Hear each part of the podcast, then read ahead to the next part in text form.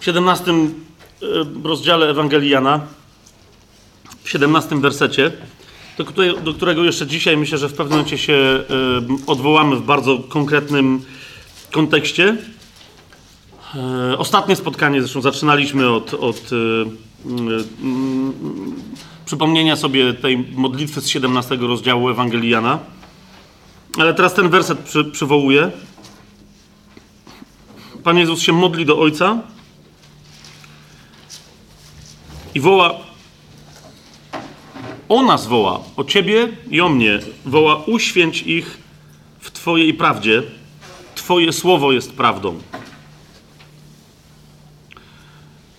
Jeszcze raz dzisiaj, zanim zaczniemy cokolwiek y, działać, jasno, że się jak, jak zwykle pomodlimy, ale chciałbym, żebyśmy y, właśnie z, z, z tego wersetu wyszli. Pamiętając, że jedna z ostatnich rzeczy, o jakie Jezus prosił, y, to jest jedność. My cały czas będziemy dzisiaj w tym temacie, no bo jesteśmy w temacie pierwszego listu do Koryntian. Je- Jezus wołał jednocześnie o uświęcenie tych wszystkich, których jest Panem, tych wszystkich, których zbawił. A uświęcenie y, zawsze dokonuje się w prawdzie, a, a prawda zawsze jest wyrażana przez Słowo Boże jest zgodna, jeżeli jest jakoś inaczej wyrażana nie bezpośrednim cytatem, zawsze jest zgodna kompletnie ze Słowem Bożym. A więc y, z tego wersetu y, uświęć ich w Twojej prawdzie, Twoje słowo jest prawdą dzisiaj. y, W tę modlitwę chcę wejść i potem w całe to, to nasze dzisiejsze studium. E, Ojcze, dziękujemy Ci za kolejne y, nasze spotkanie, kolejne studium tego sezonu. Rozważanie pierwszego listu do Koryntian, w którym Ty objawiasz nam swoją prawdę, Ty sam siebie objawiasz jako prawdę przez Twojego Syna w Twoim duchu i jednocześnie pokazujesz nam, jak my z bojaźnią i z drżeniem, sprawując swoje zbawienie, mamy, mamy przyjmować Ciebie, mamy przyjmować Twoją prawdę. Jak mamy się uświęcać w Twojej prawdzie, y, jak każdy i każda z nas może przez Twoje słowo się uświęcać, ale też jak mamy dbać o to uświęcenie wobec siebie nawzajem, usługując sobie nawzajem w jednym ciele. Ojcze, za to wszystko, co Ty dzisiaj nam przez Twojego Syna, przez Twoje słowo, w Twoim duchu chcesz objawić, już objawiasz, e, dziękujemy Ci.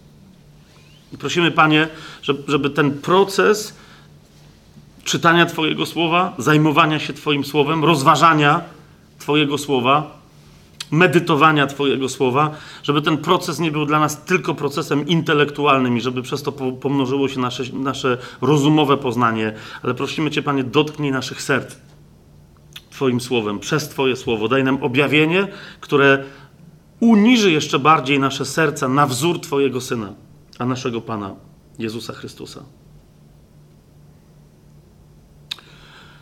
Amen. Amen. Em, Ja teraz y, przypomnę na wstępie to, y, nad czym zakończyliśmy ostatnie nasze spotkanie. Raz dlatego, że to, co, że myśmy ostatnio nie skończyli, potrzebujemy jeszcze raz e, przez pewne e, wątki przebrnąć tylko z nieco innej strony. Ale od razu mówię, że jeżeli kogoś nie było ostatnim razem, e, żeby sobie przesłuchał koniecz, koniecznie to, o czym ostatnio mówiliśmy, e, bo odnosiliśmy się do rzeczy, które nam się wydają bardzo oczywiste, Mm, a pokazaliśmy, że ta oczywistość nie jest oczywistością biblijną. Odnieśliśmy się do takich zagadnień, jakie w historii Kościoła, w historii chrześcijaństwa, czy w historii nawet egzegezy biblijnej są nazywane schizmami albo są nazywane herezjami. E, i, i, I bardzo mocno musieliśmy się zmierzyć z tym, jak my je rozumiemy potocznie, a jak je rozumie Biblia. E, Tymek po, po ostatnim y, naszym studium y, podszedł i powiedział, jak już y, dojechaliśmy do tego momentu definicji, czym jest herezja, czym jest schizma, a czym y, w języku biblijnym, tak, w języku, zwłaszcza w języku, którym się Paweł posługuje, ale nie tylko, bo słowem schizma się też, y, jak pamiętamy, Pan Jezus posługiwał nawet. To, to, to Tymek mówi, że pisząc e, robiąc sobie notatki, słyszał to, co ja mówię, już wiedział, co, co mówi słowo, a i tak zapisywał sobie definicję zgodną z tym, co wcześniej uprzednio e, rozumiał, z czym, z, z, zgodną z tym przedrozumieniem, z którym my zawsze do tematu herezji i schizmy podchodzimy. Więc jeszcze raz, e, w, w tym sensie, e, wiecie, tak sobie myślałem, e, ostatnio trochę czytam, e, wróciłem do, do lektury, bo, e, bo wyszła już e, jako, jako publikacja cała, wyszła e, e, cała księga Adversus Hereses e, Ireneusza. Ona oczywiście wyszła, e, jakbyście pamiętali o tym, żeby wyłączyć komórki, tak? E, Więc wyszła ta księga Adversus Hereses Ireneusza, oczywiście w tłumaczeniu konfesyjnym. Będzie kiedy indziej moment, żeby trochę o tej książce powiedzieć, bo ona jest ważna. Ale tak sobie pomyślałem, em, czytając Adversus Hereses, że w zasadzie jakbyśmy mieli jednym zdaniem przedstawić, tylko właśnie my je musimy dobrze rozumieć, tak? Ale jakbyśmy mieli jednym zdaniem przedstawić pierwszy list do Koryntian, to bym powiedział, że to jest właściwa księga Adversus Hereses. Okay? E, pod każdym względem, to znaczy, e, po pierwsze, jasno pokazująca, czym jest herezja i kto to jest heretyk. Po drugie, pokazująca, jakiego rodzaju herezję, e, skończywszy na takich partykularnych, konkretnych herezjach, a począwszy od nurtów, jakie są nurty herezji, w zasadzie wszystkie. Pierwszy list do Koryntian wszystkie te nurty herezji e, pokazuje, skąd się wywodzą wszystkie błędy. E, I po trzecie, pokazuje, jak radzić sobie z herezją i z heretykiem. Pierwszy list e, do Koryntian. Więc jeżeli potem w historii e, Kościoła, zarówno mówię teraz o, o, o pierwotnym chrześcijaństwie, mówię o, o tych dla mnie właściwych ojcach Kościoła, takich jak na przykład Ireneusz czy, czy, e, czy Polikarp i tak dalej, i tak dalej. E, ale, ale, nawet, ale nawet później, co i róż podnosił się jakiś tam nauczyciel, jakiś apologeta i pisał swoje adversus hereses przeciwko herezjom i przeciwko heretykom. To za każdym razem w zasadzie albo ten ktoś robi to, co robi Duch Święty przez Pawła w pierwszym liście do Koryntian, albo całe to jego adversus hereses de facto wywołuje kolejne herezje i podnosi kolejnych heretyków. Okay? A więc pierwszy list Pawła Apostoła do Koryntian to jest właściwe, pierwotne e, adversus hereses i wzór dla wszystkich następnych adversus hereses. Wzór dla wszystkich innych e, pism oraz postaw, które mają się zająć w Kościele e, zjawiskiem herezji. I teraz przypomnę to, co żeśmy sobie ostatnio zdefiniowali, mianowicie wobec tego potocznego naszego rozumienia, e, które wymyślił Kościół rzymskokatolicki i to w bardzo wczesnych początkach swojej działalności, bo on był oparty, e, będąc Kościołem rzymskim, a więc, a więc reprezentującym mieszankę tematów e, biblijnych, mieszankę chrześcijaństwa i pogańskiej religii rzymskiej. E, e, Tam bardzo istotne było, było słownictwo, było zachowanie prawa w zgodzie z wypowiedzią tego prawa. Tak? Jaka jest litera prawa, co mówi słowo. I dlatego w pewnym momencie Kościół rzymskokatolicki taką koncepcję wymyślił i ona do dzisiaj w zasadzie trwa. Jeszcze raz powtórzę, nie tylko w Kościele rzymskokatolickim, ale później cała e, reformacja, następna nowa reformacja, e, całe zjawisko protestantyzmu i tak dalej. Wszyscyśmy jakoś podskórnie przejęli koncepcję herezji i schizmy od Kościoła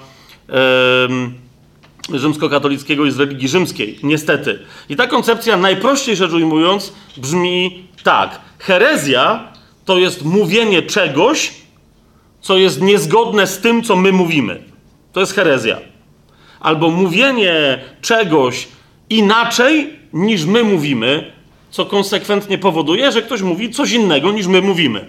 Tak? To jest herezja w Kościele rzymskokatolickim. To jest podnoszenie jakiejś nauki, która jest niezgodna z tym, czego naucza Kościół rzymskokatolicki. Okay? To, I teraz czasem herezja może doprowadzić do schizmy, ale nie musi. Krótko mówiąc, heretyk, zauważcie, w Kościele rzymskokatolickim może dalej być heretykiem i może być nadal katolikiem. Dlatego, że schizma w rozumieniu Kościoła rzymskokatolickiego to jest nieposłuszeństwo papieżowi.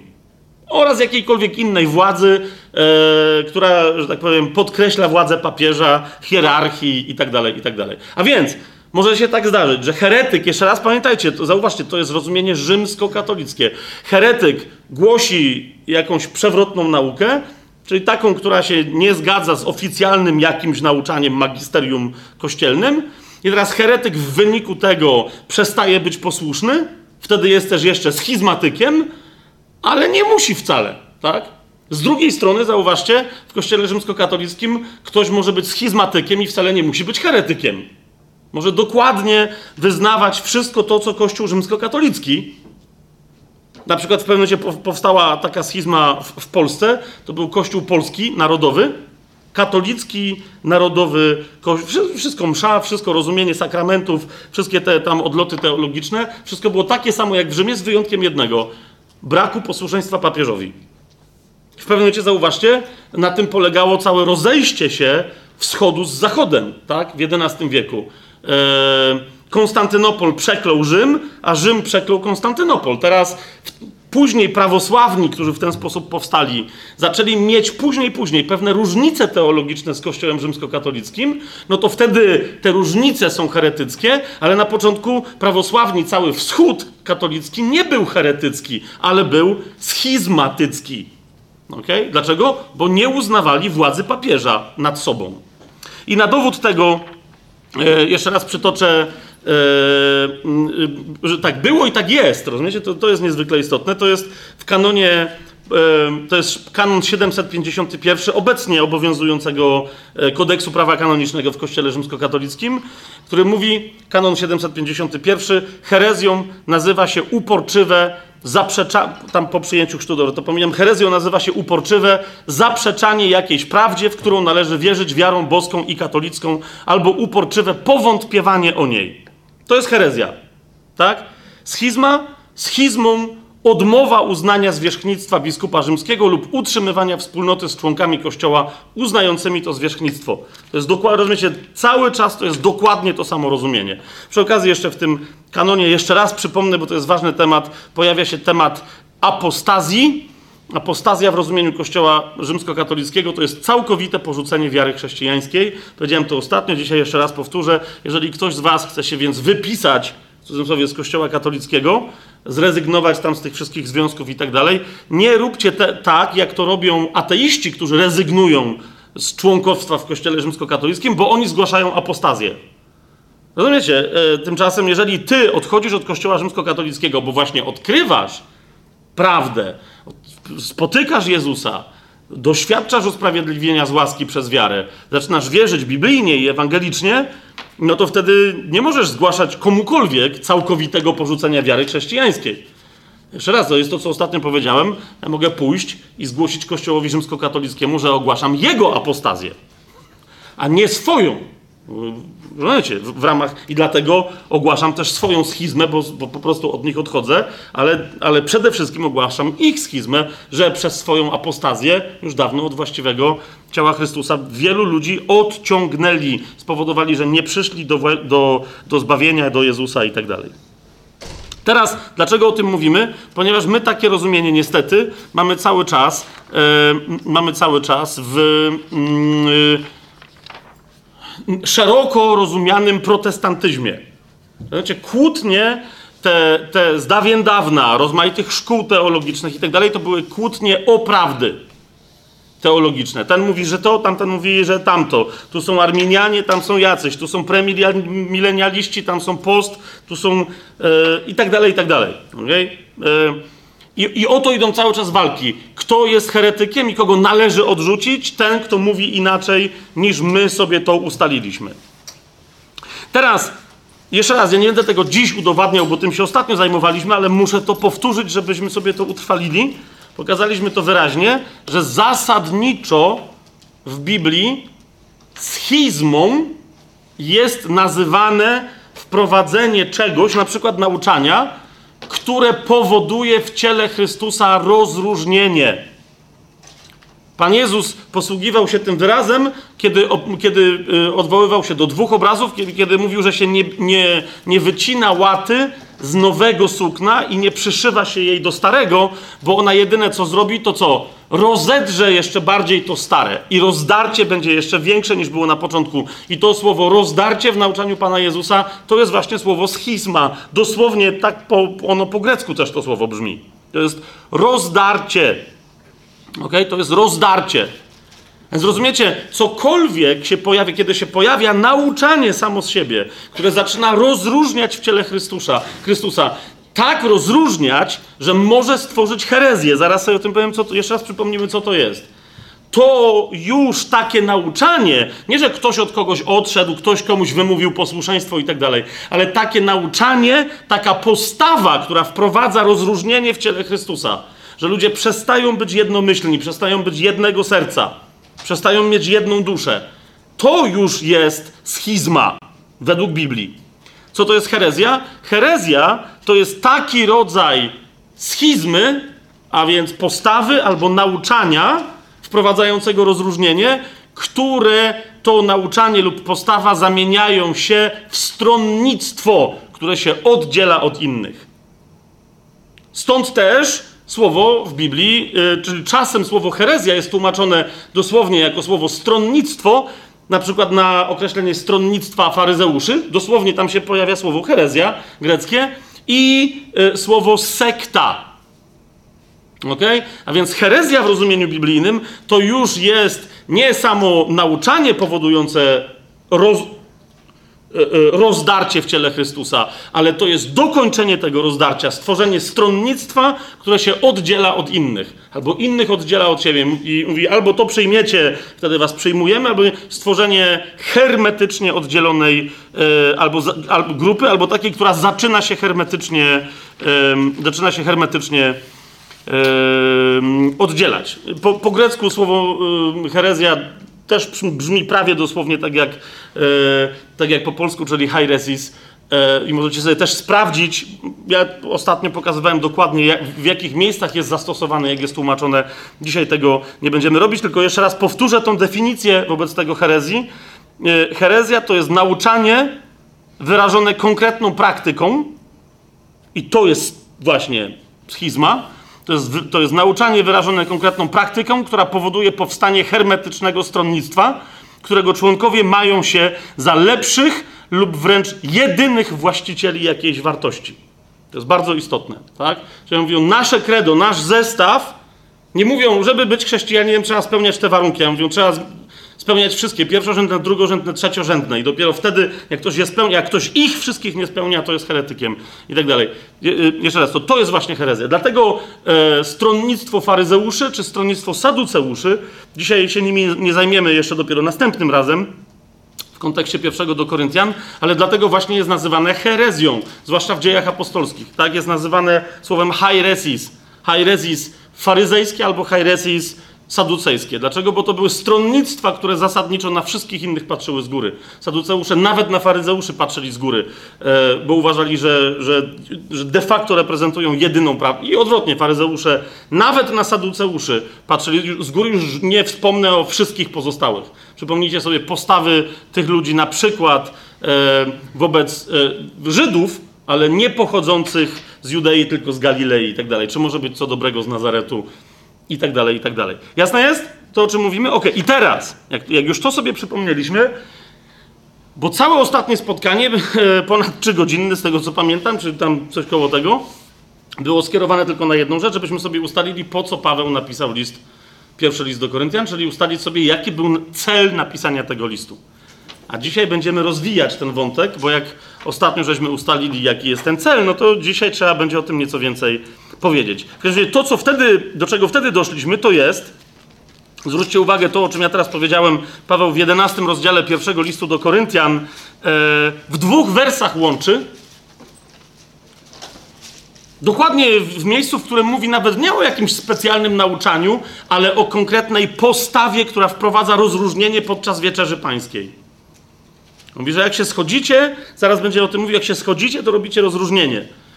Zaraz po tym, jak kończę mówić o, um, o tym, co robią pewne kobiety na zgromadzeniach w Koryncie, tak? E, mówi, to jest 11 rozdział pierwszego listu do Koryntian, 18 i 19 werset. I tam się posługuje naraz słowem schizma i herezja. Mówi tak. Najpierw bowiem słyszę, 1 do Koryntian 11, 18, 19. Najpierw bowiem słyszę, że gdy się zbieracie jako Kościół, są wśród was podziały. I po części temu wierzę. Są wśród was podziały. To jest to, jakikolwiek, czy to będzie nauczanie wprowadzające podział, czy jakaś postawa, która wprowadza podział. Za chwilę yy, Paweł mówi, że jeden przychodzi, jest głodny, a drugi już jest pijany. Na przykład taka, teraz, rozumiecie, to jest postawa, która wprowadza podział. To jest schizma. I teraz Paweł mówi, że to się czym może skończyć i mówi, że no wcale się nie dziwię, bo to się będzie często kończyć czym? Herezją. 19 werset. Bo muszą być między wami herezje, aby się okazało, którzy są wypróbowani wśród was. Czyli rzeczy, które wprowadzają podział wśród was, niektóre z nich wyrodzą się i staną się herezjami. Stworzeniem e, stronnictwa, które będzie zwodzić ludzi, odciągać od jedności ciała Chrystusa itd., tak itd. Tak Więc to jest y, taki centralny punkt. E, w pierwszym do Koryntian. Natomiast sformułowaliśmy sobie, ja dzisiaj to sformułowanie o jeszcze dwa miejsca rozszerzę, co jest celem napisania pierwszego listu do Koryntian? No dokładnie to, co jest napisane tam, gdzie zasadniczo zawsze w liście się pisze, po co się go napisało, tak? Czyli zaraz po przedstawieniu nadawcy, po ustaleniu, kto jest adresatem, Paweł pisze, to jest pierwszy rozdział pierwszego listu do Koryntian, dziesiąty werset. Proszę więc was, bracia, przez imię naszego Pana Jezusa Chrystusa. I tu jest dokładnie cel. Po co pierwszy list do Koryntian został napisany? Żebyście wszyscy to samo mówili i żeby nie było wśród was rozłamów. Tu jest znowu słowo schizma. Żeby nie było wśród was schizm, ale abyście byli zespoleni jednakowym umysłem i jednakowym zdaniem. Dlaczego Paweł tu nie mówi, żeby nie było wśród was herezji? Bo herezja z zasady nie jest wśród was. Herezja jest już stworzeniem stronnictwa oddzielonego albo oddzielającego się. Jasne? Jasne? Więc, więc Paweł mówi, chodzi o to, żeby utłuc w zarodku to, co jest przyczyną biblijnie rozumianej herezji, czyli powstania takiego stronnictwa, i to jest schizma, czyli podział. Żeby nie było wśród was rozłamów to jest kolejne tłumaczenie. Rozłam, żeby nie było wśród was rozdarć, bo równie dobrze można było to te, też tak przetłumaczyć. Więc to jest cel napisania tego listu, żeby nie było wśród was rozłamów, ale abyście byli zespoleni jednakowym umysłem i jednakowym zdaniem. Czyli nie tylko, żeby czegoś nie było, ale żeby coś innego było i żeby to coś umocnić. I Paweł, yy, jakby do, dodałbym do tego celu napisania tego listu, kiedy Paweł dochodzi do obrazu, który mu był potrzebny, żeby to jeszcze raz wyrazić, to jest 12 rozdział pierwszego listu do Koryntian, 25 werset. Paweł tam mówi, aby nie było podziału w ciele. On do, dosłownie powtarza pierwszy rozdział, dziesiąty werset, tylko innymi słowami, aby nie było podziału w ciele, ale żeby członki jednakowo troszczyły się o siebie nawzajem. Żeby członki jednakowo troszczyły się o siebie nawzajem. Widzicie o co mi chodzi? Więc tu nie idzie, e, bo niektórzy czytają ten pierwszy rozdział, dziesiąty werset, ale abyście byli zespoleni jednakowym umysłem i jednakowym zdaniem, również kiedy sięgamy do opisu pierwotnego kościoła, dzieje apostolskie, drugi rozdział, czwarty rozdział, piąty rozdział i tak dalej, tam często czytamy, że oni mieli jedno serce, jeden umysł. Pamiętacie, tak? I, I tu się zaczynają wyradzać koncepcje pod tytułem, że wszyscy muszą zasadniczo chrześcijanie w oryginalnej wersji, jak chcemy być ta, takimi pierwotnymi chrześcijanami końca czasów, to potrzebujemy stworzyć Chińską Republikę Ludową sprzed 40 lat. Wszyscy, wszyscy w, mundur, w mundurkach, tak samo ubrani, tak samo się zachowujący, te same roboty. To nie jest prawda. Jeszcze raz, dlatego potrzebujemy pierwszy rozdział, dziesiąty werset, uzupełnić dwunastym rozdziałem, dwudziestym piątym wersetem, aby nie było podziału w ciele, bo tu jest znowu wyraz schizma. Aby nie było schizmy w ciele, ale żeby co? Na czym polega owa jednomyślność, czyli jednakowy umysł i jedno zdanie? Polega na tym, żeby członki jednakowo troszczyły się o siebie nawzajem. Jasne to jest? A więc chodzi o jednakowość w trosce o innych. Ten umysł u wszystkich musi być tak samo nastawiony, jak był nastawiony u kogo? U Chrystusa, list do Filipian, drugi rozdział. Tak, nawet tam nie będziemy przechodzić, bo wiecie o czym mówię. Ale on mówi, o to was proszę, żebyście byli w jednym stanie umysłu i ten stan umysłu wasz, żeby był taki, jak był u Chrystusa. Który co? Który był posłuszny aż do śmierci, skracając e, pierwszą część drugiego rozdziału listu do Filipian. Amen? I dlatego, i dlatego e, to wezwanie Pawła z 10 wersetu nie jest wezwaniem do jednakowości, bo za chwilę zauważcie w 12 e, rozdziale, po tym 25 wersecie, troszkę dalej, troszkę dalej, Paweł się zapyta, 29 i 30 werset, czy wszyscy są apostołami?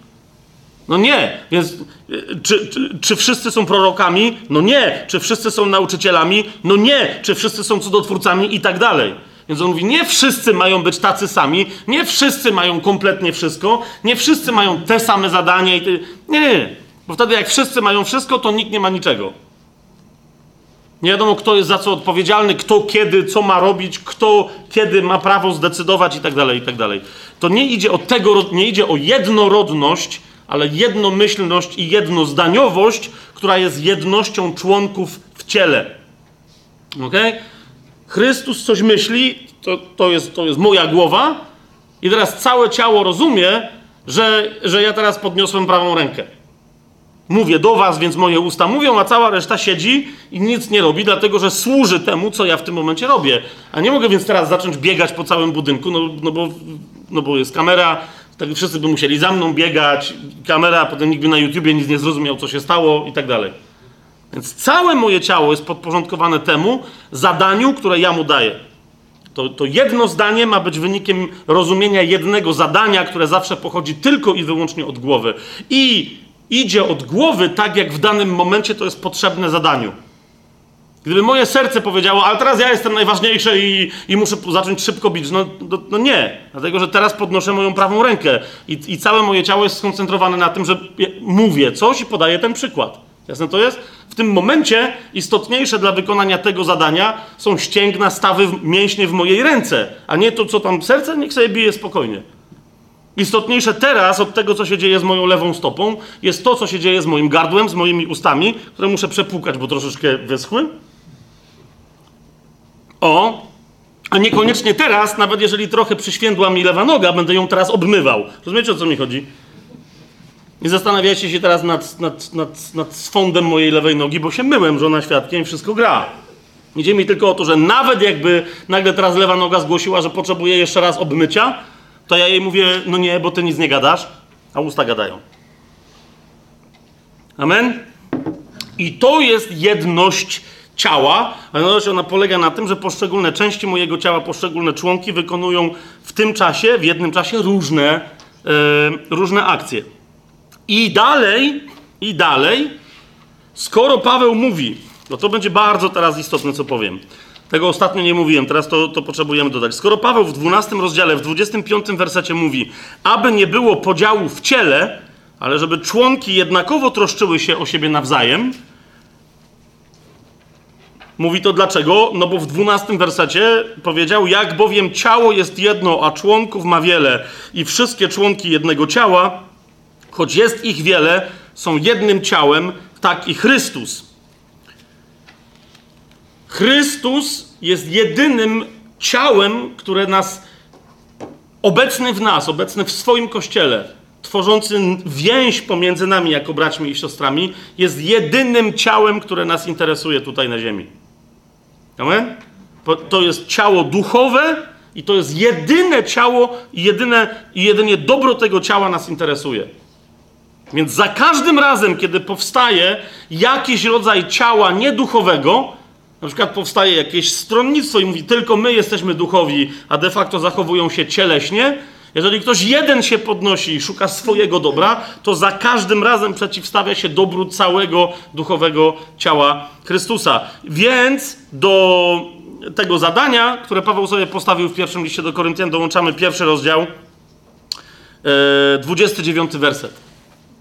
Jak jest powiedziane, że żeby, żeby nie było podziału w ciele, w ciele Chrystusa, to jednocześnie musimy pamiętać, aby nie chlubiło się przed Nim, przed Chrystusem i przed Bogiem Ojcem, aby nie chlubiło się przed Nim żadne ciało ludzkie.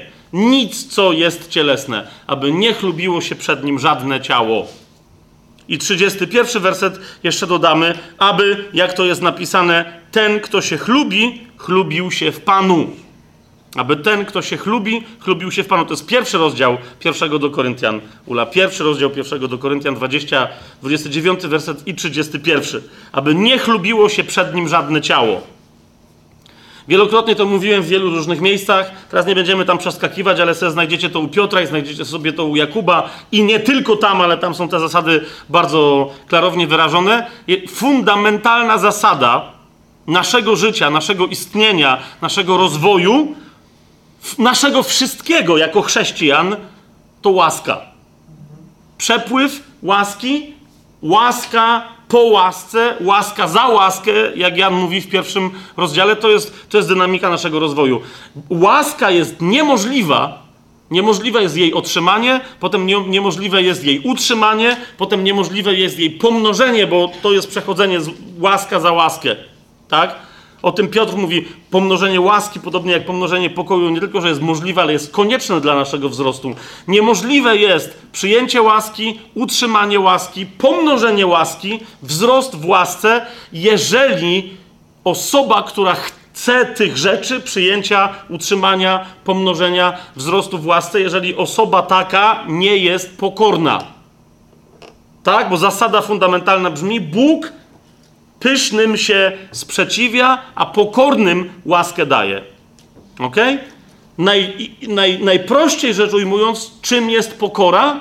Pokora zawsze, Nowy Testament te tajemnice wy, wyjaśnia do końca. Pokora jest zawsze przeciwstawieniem się temu, co cielesne, a postawieniem na to, co duchowe.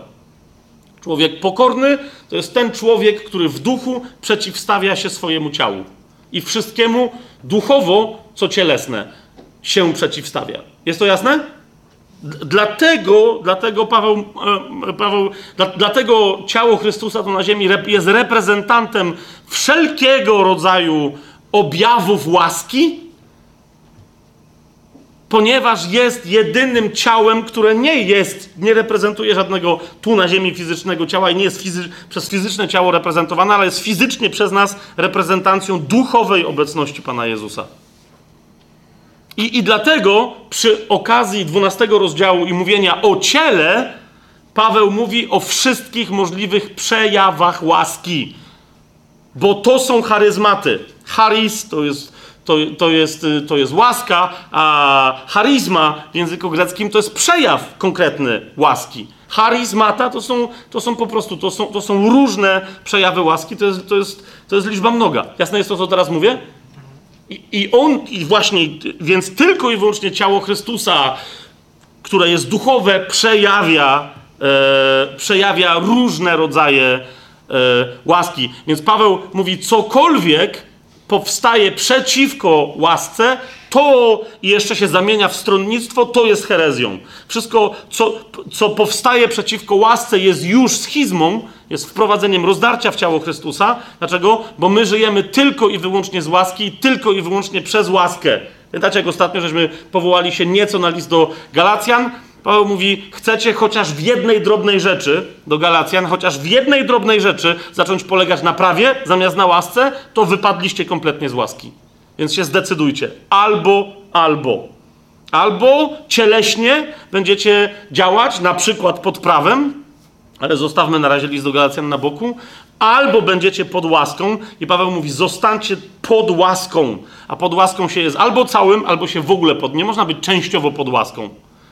Są ludzie, którzy jak, e, jakby chcieli posługiwać charyzmatycznie, to wtedy bardzo potrzebują być pod łaską, jak się na przykład modlą o chorych, bo chcieliby mieć uzdrowienia na swoim koncie.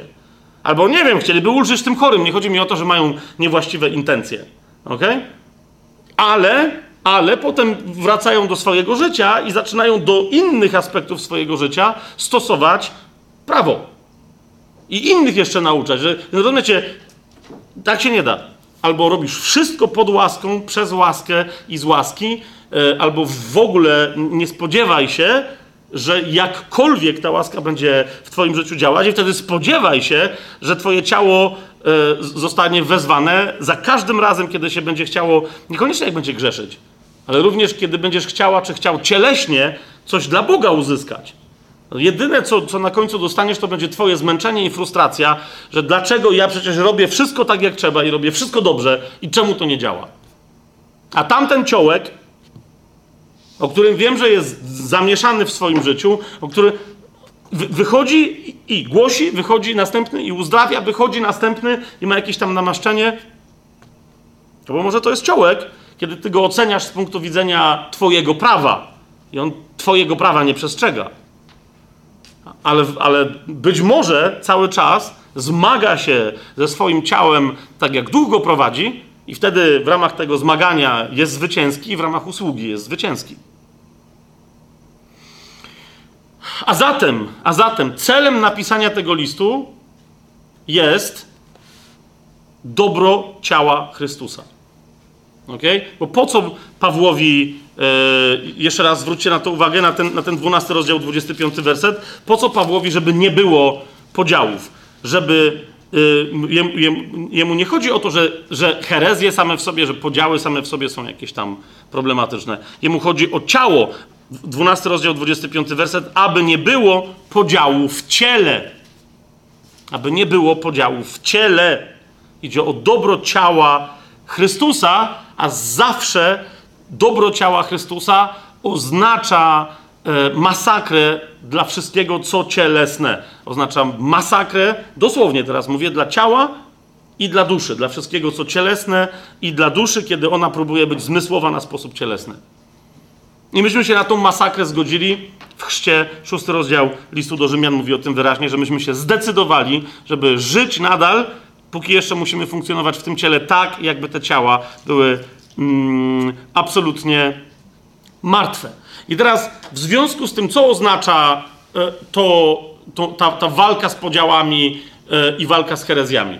Ona oznacza, kochani, bo jeszcze raz, e, jak, jak my tego nie mm, zdefiniujemy właściwie, to dalej będziemy czytać pierwszy list do Koryntian, tak jak już wielu nam w przeszłości czytało. Nie mówię, że wszyscy czytali źle, tak? Ale jak wielu tych takich głośno krzyczących czytało, którzy wprowadzili najwięcej podziałów przy pomocy pierwszego listu do Koryntian.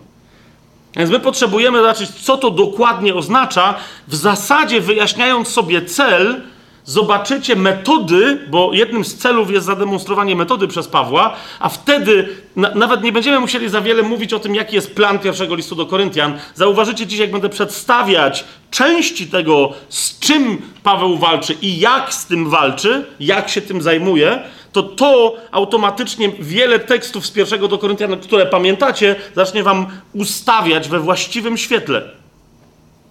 Otóż, otóż, e, jeżeli cel brzmi tak, jak sobie powiedzieliśmy, to oznacza wobec tego, po drugie, zlokalizowanie bardzo precyzyjne tego, co zagraża dobru ciała Chrystusa.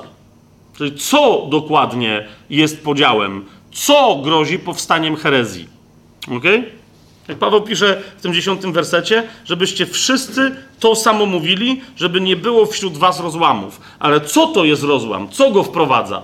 Co w następnej kolejności może się wydarzyć i zagrozi, yy, i zagrozi herezją. A więc zlokalizowanie tego, co dobru zagraża, i teraz uważajcie, i usunięcie tego, co zagraża dobru ciała Chrystusa. Usłyszeliście to, co powiedziałem? Okej. Okay. Okej, okay, okej, okay, okej. A więc mówimy o, o dwóch rzeczach, i dlatego to, o czym ten taniec, o którym mówiłem, yy, który Paweł wykonuje w pierwszym liście do Koryntian, to jest, to jest rozeznanie duchowe, to jest demonstracja tego rozeznania duchowego, żebyśmy my również wiedzieli, jak się rozeznaje duchowo. To jest druga bardzo istotna rzecz, to jest, demo, to jest, to jest usunięcie zła i jednocześnie demonstracja tego, jak my mamy następnie us usuwać to zło, którym jest podział. A więc my się nie tylko uczymy, e, e, jak Paweł pewne rzeczy zrobił w pierwotnym kościele, ale my się mamy nauczyć od Pawła, jak my mamy robić dokładnie e, to samo. Gdy chodzi o rozeznanie i rozsądzenie duchowe, otwórzcie sobie pierwszy list do Koryntian, drugi rozdział, 14-16 werset. Paweł tam mówi wyraźnie, że, bo to jest zasada, jeszcze raz, z jeszcze innej strony do tego podchodzimy. ok? Skoro z ciała wynika tylko chluba, to jednocześnie z ciała wynika także niewiedza. Okay? Skoro łaska przechodzi przez ducha, to także właściwe poznanie może przejść tylko i wyłącznie przez ducha. A więc zasada fundamentalna brzmi, 1 do Koryntian, drugi rozdział, rozdział 14-16, cielesny człowiek nie pojmuje tych rzeczy, które są z ducha Bożego. Są bowiem dla niego głupstwem i nie może ich poznać, ponieważ rozsądza się je duchowo. I bardzo często na, to wam zwracam uwagę w pierwszym liście do Koryntian i nie tylko. Niektórzy mówią, że tam jest y, jakaś sprzeczność. Raz Paweł mówi, żeby rozsądzać, a potem pokazuje jakieś rozsądzanie i mówi, czym wy się to zajmujecie. To rozsądzać w końcu, czy nie rozsądzać? On mówi, zawsze zważcie, czy dane rozsądzenie miało charakter duchowy czy cielesny. I jak Paweł mówi, że wy sądzicie, to pokazuje Koryntianom, mówiąc, wy sądzicie cieleśnie. A teraz dlaczego ja wam mówię, osądźcie tak, jak ja osądziłem? Bo ja osądzam duchowo i demonstruję nie tylko, on nie przepycha tego autorytetem, on nie tylko mówi, ja jestem duchowy, a wy nie. Ale za każdym razem, kiedy im mówi, wy jesteście cieleśni, to im pokazuje, skąd on to wie, że oni są cieleśni. I co zrobić, żeby przejść z rozsądzania cielesnego na rozsądzanie duchowe. Jasne to jest? A więc, jeszcze raz, Paweł pokazuje różnicę między rozsądzeniem duchowym i cielesnym, nakazuje nam rozsądzać duchowo, a przestać rozsądzać cieleśnie i uczy nas, jak mamy rozsądzać duchowo, a jak nie rozsądzać cieleśnie, jak odróżnić e, w naszym przypadku te dwa działania. 15-16 werset. Człowiek duchowy rozsądza wszystko, ale sam przez nikogo nie jest sądzony. Widzicie o co mi chodzi? I, i dlatego, e, I dlatego Paweł w pewnym momencie później powie e, tę taką dziwną rzecz, ale właśnie jemu dokładnie o to chodzi. Że człowiek duchowy jest od rozsądzania, ale nie od poddawania się cielesnemu osądowi. To jest czwarty rozdział pierwszego listu do Koryntian. Trzeci werset i dalej. Paweł tam mówi: Mnie najmniej zależy na tym, czy będę przez was sądzony, czy przez sąd ludzki. Ja nawet sam siebie nie sądzę. Jemu chodzi o dzieło. Niczego bowiem w sobie nie dostrzegam, jednak nie jestem przez to usprawiedliwiony, ale tym, który mnie sądzi, a więc także w domyśle, który mnie usprawiedliwia, jest Pan. Dlatego, mówi Paweł, nie sądźcie przed czasem, dopóki nie przyjdzie Pan, który oświetli to, co okryte w ciemności i ujawni zamiary serc. Wtedy każdy otrzyma pochwałę od Boga. Jemu tu chodzi o, co, o to, o czym pisał w trzecim rozdziale, mianowicie jak wygląda czyjeś dzieło, które się osądza duchowo. On mówi, że nikt z nas nie może ocenić cudzego duchowego dzieła. Ja nie mogę, patrząc na Twoje e, czynności zewnętrzne, Twoje głoszenie, nawet sukcesy, jakieś ktoś powie, ten gościu przyprowadził do Jezusa 100 tysięcy ludzi. Ale ja nie wiem, a, a, rozumiesz, a, a może miał przyprowadzić 10 milionów. Wtedy on stanie przed Panem, dostanie pochwałę za 100 tysięcy, ale Pan mu pokaże, że jednak był gnuśny. A być może był ktoś, kto ledwo żył. Miał, miał wylew krwi do mózgu, jeszcze po prostu przez swoje grzechy, załóżmy, tak? Potem się nawrócił, nie mógł mówić, nie, był głuchy, ledwo widział. Rozumiesz? Musiał walczyć z traumą, ponieważ to wszystko, co mu się złego wydarzyło w życiu, wynikało z tego, że jako dziecko był molestowany seksualnie, był bity, był porzucony przez rodziców i ich nie znał, nie doświadczył w ogóle miłości. I teraz ten ktoś przez Pana miał wyznaczone jedno zadanie jako swoje świadectwo żeby do niego przyjść i to by wystarczyło. A ten człowiek przyprowadził jeszcze dwóch ludzi ze sobą. Po części pije teraz do historii, którą opowiadał Rick Joyner w e, The Final Quest. Nie pamiętam, jak się to nazywa po polsku. Rozumiecie, o co mi chodzi? I może się okazać na końcu, że ten człowiek, który przyprowadził dwóch, dostanie większą nagrodę i zapłatę za swoje dzieło, ponieważ okaże się, że je wypełnił ponad przeciętnie, w porównaniu z tym, który przyprowadził 100 tysięcy. Ale miał znacznie większe możliwości. My nie wiemy, y, do czego będzie przyrównywać Pan, ale Ty wiesz i ja wiem. To jest Twoje i moje zadanie, żeby rozeznawać swoje powołanie osobiste i na nim zrozumieć, na czym, do jakiego rodzaju wybrania prowadzi to powołanie. Mamy dzisiaj chrześcijaństwo przeszczęśliwe z tego powodu, że jest powołane. A Pan Jezus wraca nie do tych, którzy są szczęśliwi z tego powodu, że się urodzili, tylko chce wrócić do dziedziców dorosłych i dlatego mówi: Ja wracam, a ze mną idzie moja zapłata. Zapłata jest nie dla tych, którzy coś dostali za darmo, bo już dostali za darmo, mają łaskę. Zapłata jest dla tych, którzy coś zrobili.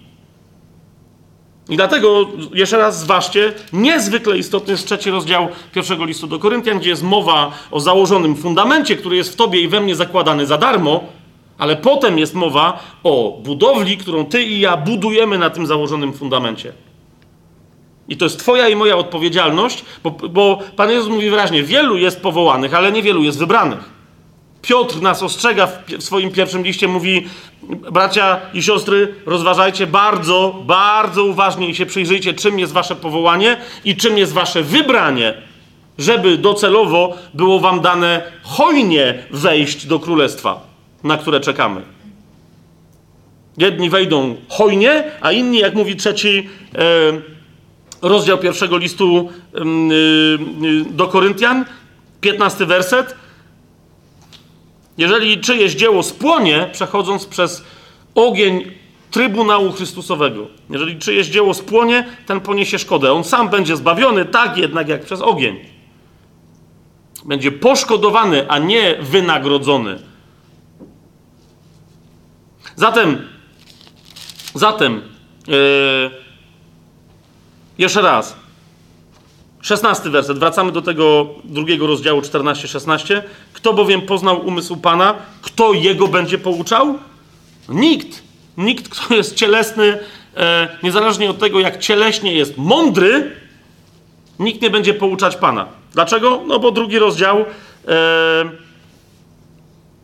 szósty i siódmy werset, zwłaszcza siódmy werset, powiada, my głosimy mądrość Boga w tajemnicy Mądrość zakrytą, którą przed wiekami Bóg przeznaczył ku naszej chwale, której nie poznał żaden z władców tego świata. Gdyby ją bowiem poznali, nigdy by nie ukrzyżowali Pana chwały. Proste. Proste. A zatem y, to, co my robimy w duchu dla tego, kto jest cielesny, włącznie z nowonarodzonym chrześcijaninem czy chrześcijanką, jeżeli się zachowuje cieleśnie, to, co robimy w duchu, jest tajemne, jest tajemnicze i jest tajemnicą. Nie ma niczego gorszego jak cielesne podejście do duchowych spraw. Nie ma niczego gorszego, nawet wiecie, po to, żeby coś dobrego zrobić. Kiedy, kiedy Kościół się gromadzi i zaczyna e, pytać świata, co mamy zrobić, żeby osiągnąć sukces. Ducha Świętego się mamy pytać. On wie, jak my mamy osiągnąć to, co on rozumie, że jest sukcesem, jak my to mamy osiągnąć, bo jak on wie, co jest sukcesem, to on też wie, jak się go osiąga i on nas nauczy. Ale jak my sobie ustalamy, że sukcesem jest wzrost kościoła, a być może nie, może sukcesem jest właśnie pomniejszenie się Twojego zboru. Jeszcze my przyjdziemy do tej modlitwy Tozera, którą ostatnio przywoływałem. Modlitwy, która kiedyś bardzo, bardzo mnie poruszyła, w której on się modli. Panie, spraw, żeby mój dar z darów wszystkich, których znam, którzy równocześnie ze mną posługują, był najmniejszy. Spraw, żeby mój zbór był z wszystkich zborów, z którymi się mój zbór zna, żeby był najmniejszy. Proszę cię o to. Daj, żebym, żeby to, jak jestem znany przez Twoją służbę, żeby było najmniejsze, żeby inni byli bardziej znani niż ja i żeby inni raczej ich szukali niż mnie. Proszę Cię tylko, żebym w ramach tego małego daru, który ja mam, żebym zrobił wszystko, co Ty chcesz, żebym zrobił, bo tylko to jest istotne. To to ma na myśli Paweł. Słowo Boże cały czas jak mówi, nie porównujcie się ze sobą nawzajem, bo wy nie macie kontekstu. Nie wiecie, co do czego macie porównywać. To, że ten w zborze ma 50 osób, a tamten ma 50 tysięcy w, jakiejś tam, w jakimś konstrukcie, no i co to oznacza? Kto bowiem poznał umysł Pana? Drugi rozdział pierwszego do Koryntian, 16 werset. Kto go będzie pouczał? Paweł mówi, ale my mamy umysł Chrystusa. I yy, cały ten list jest demonstracją posługiwania się umysłem Chrystusa. W pierwszym do Koryntian, w szóstym rozdziale,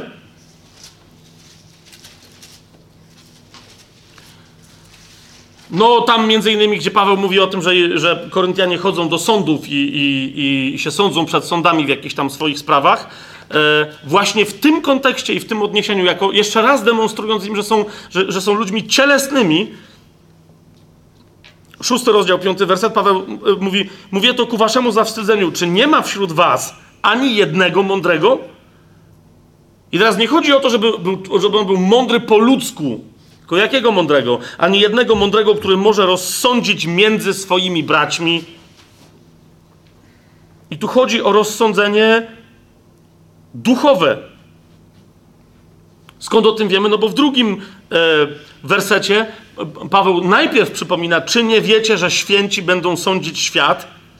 A jeżeli świat będzie sądzony przez was, to czy nie jesteście godni osądzać spraw pomniejszych? No jest dokładnie to. No tylko jak my będziemy sądzić świat? Po ludzku? Będziemy się musieli zapoznać z prawodawstwem wszechwieków i ustalić wszystkie amerykańskie precedensy? Czy raczej będziemy sądzić świat na bazie duchowej, umysłem Chrystusa, którym On się z nami podzielił i w którym da nam zadanie. I teraz, kochani, jeszcze dalej.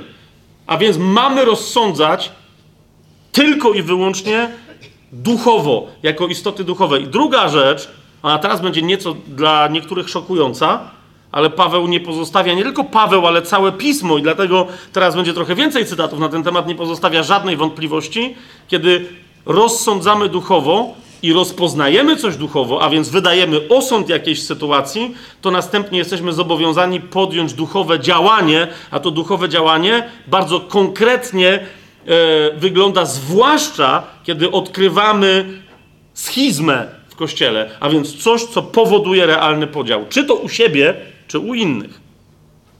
A więc celem pierwszego listu do Koryntian jest także pokazanie akcji, jakie się podejmuje, jakie wynikają z duchowego rozeznania. Jest to jasne? Zobaczcie, teraz rozwijamy, co jest celem, tak? I jeszcze raz, od razu niektórzy z Was będą mieli skojarzenia, w którym to miejscu Paweł, a jak nie będą mieli, to ja pokażę, w którym to miejscu Paweł ten cel e, realizuje, kiedy pisze swój list. A więc, pierwszy list do Koryntian, właśnie, nawet od tego może zacznijmy. E, piąty rozdział. Bardzo konkretną akcję Paweł podejmuje i zauważcie, że ją podejmuje w duchu. To jest pierwszy list do Koryntian, piąty rozdział. W trzecim wersecie Paweł wyraźnie mówi: Ja nieobecny ciałem, ale obecny duchem. Widzicie to? Nieobecny ciałem, ale obecny duchem. W duchu rozsądziłem pewną sytuację i teraz co się dzieje? Podejmuję decyzję, a wraz z decyzją podejmuję akcję. Ja, nieobecny ciałem, to jest trzeci werset, czwarty i piąty, ale obecny duchem, już jakbym był obecny, osądziłem tego, który to uczynił. Yy, tam mniejsza o to, co, zaraz do tego wrócimy, tak, podczas tego dzisiejszego naszego studium. I mówi, w imieniu naszego Pana Jezusa Chrystusa, gdy się zgromadzicie, wy i mój duch. I, i, jeszcze raz, jeżeli, jeżeli yy, bo, bo my mamy taką tendencję, żeby takie zwroty w piśmie, zwłaszcza w Nowym Testamencie, traktować jako rodzaj poezji. Kiedy e, w dziejach apostolskich jest opisane, że, że, że gromadzą się starsi apostołowie i mówią, my i Duch Święty uznaliśmy, że, to oni, rozumiecie, to nie jest formuła poetycka, podkreślająca e, charakter sądu, który właśnie wydają, tylko oni mówią prawdę. My i Duch Święty uznaliśmy, że. My i Duch Święty rozsądziliśmy, że. My i Duch Święty postanowiliśmy, abyście. Teraz Paweł mówi, my również w duchu mamy dostęp do pewnych rzeczywistości e, w ciele Chrystusa. Kto z nas był w poniedziałek na, na modlitwie? O, okej, okay, jest, jest, jest sporo osób. E, pamiętacie, było paru świadków zupełnie niezależnych, ludzi, bo tam się różne osoby spotykają. Modliliśmy się e, za Chiny, za kościół w Wuhan, tam gdzie się zaczęła ta epidemia koronawirusa, z którym mamy cały czas kontakt. Nie powiem jak, no bo bo Chiny znowu prześladują coraz bardziej chrześcijan, ale mamy, dostajemy od nich listy e, i tam sytuacja e, no, przybrała jeszcze gorszy obrót niż do tej pory. Modliliśmy się za Chińczyków, także za Koreę Północną, tam za parę miejsc. Pamiętacie, co się działo? Było parę, parę osób w czasie tej modlitwy, które miały wręcz fizyczne wrażenie, że, że, były w tamtym miejscu i, i, z konkretnymi bardzo wizjami, które potem się, one się potem po, e, potwierdziły, potwierdziły, czy potwierdzają, że się takie rzeczy dzieją, e, konkretnie w Wuhan. Ale, ale było parę osób, które w pewnym sensie się przestraszyło tym. Nie chodziło o to, że oni się popisywali, że miałem takie wrażenie, że tylko była jedna czy druga osoba, która po prostu otworzyła oczy na modlitwie, bo się przestraszyła, że, się, że została przeniesiona fizycznie i że się w tym momencie modli z Chińczykami, czy tam, yy, bo jest parę dziesiąt teraz osób, yy, chrześcijan, którzy zostali zamknięci za rozdawanie masek i pomoc chorym w Wuhan, zostali zamknięci yy, w więzieniu i w tym więzieniu zostali zarażeni tym koronawirusem. Okay? Więc to była jedna z sytuacji, o, o które się modliliśmy. I mówię, była jedna czy druga osoba, które na modlitwie po prostu się aż wzdrygnęły. Jeszcze raz, więc jak Paweł tu mówi, kiedy się zgromadzicie, wy i mój duch, to, to teraz nie chodzi mi o to, że Paweł tam się będzie w duchu przenosił. O co Pawłowi chodzi, to mu chodzi. To nie jest moment, żebyśmy to teraz rozważali, ale Paweł też nie posługuje się tym sformułowaniem jako sformułowaniem poetyckim, tylko mówi naprawdę. Ja z wami rozeznaję w duchu. Wobec tego, jak wy się zgromadzicie, to my w jednym duchu pewne rzeczy będziemy yy, czynić. A zatem w imieniu naszego Pana Jezusa Chrystusa, gdy się zgromadzicie, wy i mój duch, z mocą naszego Pana Jezusa Chrystusa, wydajcie takiego szatanowi na zatracenie ciała, żeby duch był zbawiony w dniu Pana Jezusa.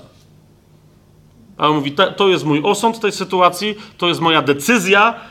Zaraz dzisiaj sobie wyjaśnimy, o co to poszło. Ale rozumiecie, czasem ta decyzja jest bardzo konkretna i ona brzmi dość strasznie. Tego konkretnego człowieka, jako człowieka, wydajcie szatanowi. W siódmym i ósmym wersecie Paweł wyjaśnia, dlaczego tak musi być i odwołuje się do całej ogromnej e, teologii i nauczania wywodzącego się od samego Pana Jezusa. Mówi, ale nie, Pan Jezus też wykorzystuje teologię Starego Przymierza, kiedy, o tym, kiedy mówi o zakwasie. Mianowicie Paweł mówi, usuńcie stary zakwas, abyście byli nowym ciastem, jako że jesteście przaśni. Chrystus bowiem, nasza pascha, został ofiarowany za nas. Obchodźmy zatem święto nie ze starym zakwasem, ani z zakwasem złośliwości i przewrotności, ale w prześnikach szczerości i prawdy. To wam tylko przypomnę tym, którzy, nie wiem, nie byli podczas naszych rozważań świąt poszczególnych. Ja też nie pamiętam, czy myśmy akurat ten, te kwestie rozważali. E, przy okazji Paschy Żydzi w pewnym momencie usuwają, e, aby uczcić prześniki, usuwają E, z domu wszelki zakwas albo jakieś fragmenty chleba, okruszyny i tak dalej, które pochodzą z, z chleba, który był pieczony na zakwasie. Jasne jest to, to, co mówię? I ta symbolika tej akcji jest prosta. Zakwas w ramach tego działania, usuwania zakwasu z domu, żeby się przygotować do paschy, do prześników, jest symbolem, robimy wszystko, żeby usunąć każdy grzech spod naszego dachu, z naszego domostwa, e, z naszego życia. Tak? Usuwanie grzechu. To oznacza usuwanie starego zakwasu. Więc Paweł mówi, cokolwiek nawet w starym życiu wyście rozumieli jako zakwas, jako grzech, to to macie usunąć. To jest wasze zadanie. Oraz to, co często bywa nierozpoznane przez chrześcijan, bo to jest nowy grzech w ich życiu po nawróceniu, mianowicie zakwas złośliwości i przewrotności. Dlatego Paweł mówi: obchodźmy święto nie ze starym zakwasem, ani z zakwasem złośliwości i przewrotności, ale w prześnikach szczerości i prawdy. I y, jeszcze w jedenastym wersecie i dalej podkreśla: Napisałem wam, żebyście nie przestawali z takim, który nazywając się bratem, jest rozpustnikiem, chciwym, bałwochwalcą, złorzeczącym, pijakiem lub zdziercą. Z takim nawet nie jadajcie. Po co mi bowiem sądzić tych, którzy są na zewnątrz? Czy wy nie sądzicie tych, którzy są wewnątrz? To jest pytanie Pawła. Po co się macie zajmować tymi, co na zewnątrz? Tych trzeba zbawiać. Ale ci, którzy weszli w ciało Chrystusa, ich rozwój polega na naszym właściwym rozsądzeniu siebie nawzajem, napomnieniu w miłości i podniesieniu na jeszcze wyższy poziom, jeszcze wyższy poziom, jeszcze wyższy poziom życia w Chrystusie, który, który jest drogą pokornego uświęcenia. Jeżeli ktoś się temu sprzeciwia, to Paweł mówi, y, taka postawa musi być usunięta. Później jeszcze będziemy więcej o tym mówić. Tych, którzy są na zewnątrz, 13 werset, osądzi Bóg, a wy usuńcie złego spośród was samych. A więc czasem konkretną akcją jest usunięcie kogoś ze społeczności yy, i, no, jak Paweł mówi, nawet nie jadanie z nim, nie przebywanie z nim. W liście do Rzymian Y, w 16 rozdziale w wersetach 17 i 18. No teraz chcę wam pokazać, niektórzy mówią, że to jest jakiś taki moment, my nie wiemy, co to się tam wydarzyło. Jeszcze raz, jak spojrzysz tylko i wyłącznie na, na samą instytucję przekazania kogoś szatanowi, no to tych fragmentów jest parę, ale tam Paweł w tym, w tym w pierwszym do Koryntian szeroko pisze, o co mu chodzi. Zwłaszcza, że konkretnie pisze o tym jednym człowieku, o co mu chodzi.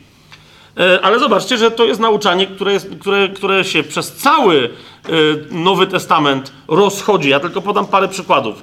List do Rzymian, 16 rozdział, 17, 18 werset. A proszę was, bracia, abyście wypatrywali tych, którzy powodują rozłamy, widzicie to? Którzy powodują rozłamy i zgorszenia przeciwko tej nauce, którą przyjęliście. Unikajcie ich. Gdyż tacy nie służą naszemu Panu Jezusowi Chrystusowi, ale własnemu brzuchowi, a przez gładkie słowa i pochlebstwo zwodzą serca ludzi prostych. To jest list do Rzymian. Otwórzmy sobie drugi do Tesaloniczan. Trzeci rozdział. Szósty werset. A nakazujemy wam, bracia, w imię naszego Pana Jezusa Chrystusa, abyście stronili od każdego brata, który postępuje nieporządnie, a nie według przekazanych nauk, które otrzymał od nas. Tam jest, tu konkretnie chodzi o, o postawę e, próżniactwa. Nie będziemy e, teraz tego rozważać, ale jeszcze przeskoczmy do 14 wersetu. Jeżeli ktoś nie posłucha naszych słów zawartych w tym liście, to zwróćcie na niego uwagę i nie przestawajcie z nim, aby się zawstydził. Jeszcze raz, od, od, od, y, y, y, w pewnym momencie Paweł wyraźnie sugeruje, że trzeba kogoś odstawić, doprowadzić do separacji, nie do rozwodu, ale do separacji z tym kimś, po co, żeby się zawstydził, żeby się opamiętał. Ok? Pierwszy do Tymoteusza. Skoro już tu jesteśmy, to sobie otwórzmy pierwszy do Tymoteusza. Szósty rozdział wersety 3-5. Paweł tam mówi tym, Tymoteuszowi, jak on tam naucza, yy, ale w pewnym momencie mu też przypomina, że dobra, jest tak, jest tak, sprawy takie się mają tak, inne inaczej. I w szóstym rozdziale pierwszego do Tymoteusza, wersety 3-5, Paweł mówi, jeżeli ktoś naucza inaczej i nie trzyma się zdrowych słów naszego Pana Jezusa Chrystusa i nauki zgodnej z pobożnością, ten jest nadęty, równie dobrze mogłoby być przetłumaczone pyszny albo, albo pełen pychy, ten jest nadęty i nic nie wie, ale ma chorobliwą skłonność do dociekań i sporów o słowa. Przy okazji bardzo interesujące zademonstrowanie natury ludzi, którzy wprowadzają podziały i ostatecznie właśnie heretyckie stronnictwa. Ten jest nadęty i nic nie wie, ale ma chorobliwą skłonność do dociekań i sporów o słowa, z których rodzą się zawiść, spory, złorzeczenia, złośliwe podejrzenia przewrotne spory ludzi o wypaczonym umyśle pozbawionych prawdy, którzy uważają, że pobożność jest zyskiem cielesnym. Strońcie od takich. Widzicie, kolejny raz ty, Tymoteuszowi Paweł o tym y, mówi i jednocześnie, ale on tu widzę się w liczbie mnogiej. Mówi nie tylko ty, mówi, wraz z tobą cała społeczność yy, ma mieć taką postawę. Cały Efes ma mieć taką postawę. Stroncie od takich. Stwórzmy sobie list do Tytusa, trzeci rozdział. Spójrzcie na wersety 10 y, i 11. A tam już jest bardzo konkretne. Człowieka, który wprowadził podział do ciała Chrystusa i zaczyna tworzyć wokół siebie stronnictwo, e, Tytusowi Paweł krótko nazywa takiego człowieka heretykiem. I teraz co mówi? To jest y, list do Tytusa, trzeci rozdział, wersety 10-11. Heretyka po pierwszym. Macie to? Heretyka po pierwszym i drugim upomnieniu unikaj, wiedząc, że taki człowiek jest przewrotny i grzeszy, i zwróćcie uwagę na to, i sam siebie osądza. Twój osąd musi rozpoznać człowieka, który sam siebie osądza i to, i to, na potem, i, i, to w potępieńczy sposób. To jest bardzo istotne, tak? Ale tu jest, widzicie, to jest to. Paweł Tymoteuszowi o tym nie wspomina, dlatego my potrzebujemy w każdej tego typu kwestii patrzeć, co całe pismo ma nam do powiedzenia. Tu widzimy, że zapewne także i ten człowiek, który został oddany szatanowi e, w Koryncie przez Pawła, on nie był nieostrzeżony. Rozumiecie o co chodzi? Bo Paweł wszędzie stosuje te same zasady, więc on najwyraźniej był ostrzeżony raz i był ostrzeżony drugi, napomniany I skoro wobec tego dalej robił to, co robił, a to mogło wpłynąć na innych, którzy mogli powiedzieć super, bo tam był bardzo konkretny grzech, chodziło o konkretny grzech sprowadzający przekleństwo.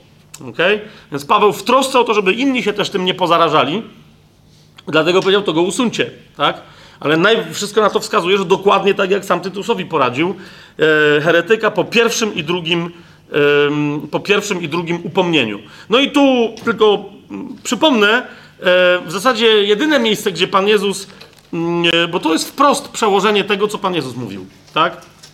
Sobie otworzymy Ewangelię Mateusza, 18 mm, rozdział.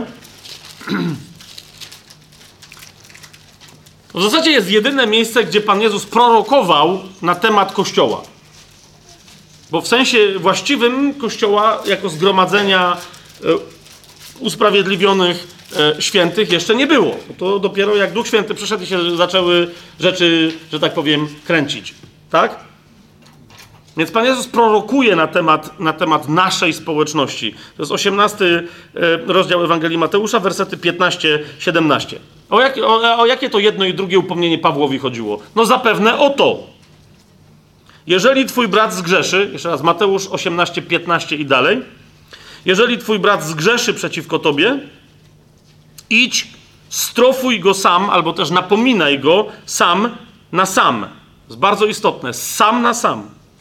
Jeżeli cię usłucha, pozyskałeś swojego brata. Jeżeli zaś cię nie usłucha, weź ze sobą jeszcze jednego albo dwóch, aby na podstawie zeznania dwóch albo trzech świadków oparte było każde słowo. Jeżeli ich nie usłucha razem z tobą, to jest drugie upomnienie, widzicie to? Jeżeli ich nie usłucha, powiedz Kościołowi. A jeżeli Kościoła nie usłucha, i to jest najwyraźniej sytuacja kościoła korynckiego, skoro Paweł pisze do Koryntian, a wszyscy wiedzą, o kogo mu chodzi, także on, rozumiecie, nawet nie podaje imienia, czy tam o, o co, wszyscy wiedzą, o kogo chodzi, tam jest jeden taki gość, tak? Więc to już jest sprawa, w ramach której zapewne został upomniany sam na sam, potem w obecności świadka czy, czy pary świadków, i potem sprawa trafiła przed całe zgromadzenie, tak? Pan Jezus mówi, jeżeli zaś cię nie usłucha, no okej, okay, jeżeli ich nie usłucha, powiedz Kościołowi, a jeżeli Kościoła nie usłucha, niech będzie dla ciebie jak poganin i celnik. Jeszcze raz, z poganinem i z celnikiem, Pan Jezus to mówi do Żydów, wszyscy wiedzieli, z nimi się nie przestaje. Amen? Amen? Teraz przy okazji, rozumiecie, okej, okay, pierwszy list do Koryntian nam pokazuje, że my robimy takie rzeczy, a przy okazji nam sugeruje, jak my je robimy. To jest teraz pytanie, rozumiesz, odpalasz jakiegoś zawodnika na YouTubie, to jest klasyczny dzisiejszy przykład, tak? Od, znaczy nie, że ja dzisiaj mam, tylko yy, na ten czas. Odpalasz jakiegoś zawodnika na YouTubie i on mówi, będą se mnożyć nauczycieli, bo ich uszy swędzą i tak dalej. I zaczyna, ten tu jest zwiedzony, ten jest zwiedziony, ten też jest zwiedziony, tamten pastor, ten nauczyciel, ten ewangelista, to jest zwiedzenie. Teraz widzisz, całkiem możliwe, że tak jest. Rozumiecie o co mi chodzi? Ja nie twierdzę, że to jest nieprawda, że każdy człowiek, który mówi, to jest zdrowa nauka, a to jest niezdrowa nauka na YouTubie, zwłaszcza jak pokazuje ludzi po nazwisku, ja nie twierdzę, że to jest nieprawda. I że on nie ma racji, albo że, że niektóre z tych filmów, nauczań i tak dalej nie pokazują e, prawdy. Nie, tego nie mówię. Ale co jest bardzo istotne? Mnie zawsze interesuje, żebym przyjął to, co ten ktoś mówi, czy on to mówi jakby, co to jest za nagranie? Bo i na jakim etapie on to mówi? Czyli, czy on poszedł osobiście do tego kogoś, rozumiecie o co, o co mi chodzi? I go upomniał w cztery oczy. Jeżeli to zrobił, to czy poszedł następnie, tak jak Pan Jezus powiedział, z tymi świadkami? I czy go znowu napomniał? On ich nie posłuchał i wtedy, czy cały temat odniósł do kościoła? Rozumiecie, o co mi idzie? Jeżeli tak zrobił, to, to teraz jest pytanie, czy to nagranie, które ja obserwuję, to jest nagranie, które ktoś bezsensownie, bezprawnie, żeby nie rzec wręcz bluźnierczo wrzucił na YouTube'a, czy to jest jeszcze następny jakiś krok, o którym Pan Jezus nie mówił? Jeszcze raz, bo widzę, że niektórzy tak patrzycie. Jeszcze raz, rozumiesz, gdzie się ma sprawa skończyć, kiedy brat albo siostra grzeszą w ramach napomnienia? Nawet jeżeli to jest jakiś nieprawdopodobny herezjarcha. Gdzie się ma sprawa skończyć? W kościele. Jeżeli ktoś coś publikuje na YouTube, jeszcze raz, bo może tak być, że wiesz, no wyszedł, nie wiem, pastor i mówi coś do swojego zgromadzenia, ktoś to nagrał i opublikował bez jego wiedzy. Kapujecie o co mi idzie? No i wtedy to jest, no trzeba dorwać zaś tego gościa i mu wytłumaczyć. Dlaczego? Bo sama taka postawa, że ktoś coś robi niby w dobrym celu, no właśnie mówi, muszę ujawnić heretyka. No ale rozumiesz, ale twoja postawa jest heretycka. Dlaczego? Bo robisz coś niezgodnie ze Słowem Bożym. Pokazujesz, jak ktoś głosi niezgodnie ze Słowem Bożym, a ty robisz niezgodnie ze Słowem Bożym. Ok? Bo to, dlaczego cały świat ma nagle byle kto wejdzie i okej, okay, chrześcijany tu się kłócą, tu też się kłócą, tu o, tu się nie tylko kłócą, tu się obrzygują, a tu, a tu się obrzygują po tym, jak wcześniej się zjedli nawzajem. I znów, dobrze, że moja żona, e, bo mnie upominała, że powinienem o żyganiu, ale Pan Jezus mówi wyraźnie, nie podgryzajcie się nawzajem, bo się zeżrecie. A to, jak się zeżrecie nawzajem, nie jest strawne, więc to się potem zwraca. Więc, więc jeszcze raz, czy w ogóle tak, pojawienie się, teraz jeszcze, czym innym jest, zwróćcie uwagę, kiedy my mówimy, co jest prawdą, znaczy my, nie tylko my, tylko ktokolwiek mówi, Słowo Boże naucza tak i tak, i jeżeli ktoś naucza inaczej, no to wtedy musi się zastanowić, co się tu dzieje. Okay. Chodzi o te konkretne nagrania, w których ktoś z imienia, nazwiska tam ładuje i, i jeszcze kogoś obwieszcza, że jest heretykiem i ogłasza i tak dalej, i tak dalej. To mnie zawsze interesuje, nawet jeżeli to jest prawda, jeszcze raz mówię, to mnie zawsze interesuje, czy ty to robisz, jak, co się dzieje? Czy ty to robisz po Bożemu, czy po heretycku? No bo wtedy wylewasz dziecko z kąpielą, przy okazji sam siebie wylewasz z tą, kopie, z tą kąpielą. Bo nazywasz heretyka, ale twoja postawa jest też heretycka. Bo uczysz innych, że tak można robić. I, i zresztą, yy, wiecie, jeden, drugi, trzeci. Parę razy obserwowałem takie sytuacje, Kiedyś odbyła się taka rozmowa, mniejsza o to teraz, gdzie ona się odbyła, ale ona dosyć taka sławna była, tam parę dziesiąt milionów ludzi to obejrzało. Na temat jakiejś konferencji charyzmatycznej odbyła się rozmowa paru takich wiodących liderów pewnego kraju, którzy komentowali tę konferencję charyzmatyczną, e, często i gęsto nabijając się, nawet nie z tego, co było tam nauczane, tylko z postaw ludzi, tak?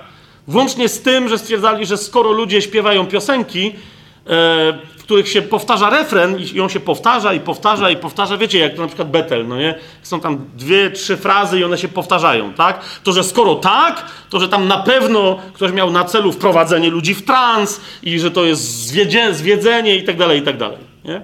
I potem podniósł się tu akurat, yy, no dobra, jak zaś powiem jego nazwisko, to będzie wiadomo, o czym on gadał. W każdym razie inny jeszcze pastor, który lubił i tych z tej konferencji charyzmatycznej, i tych, co gadali w tym zgromadzeniu. I mówi, ej, moglibyście się uspokoić?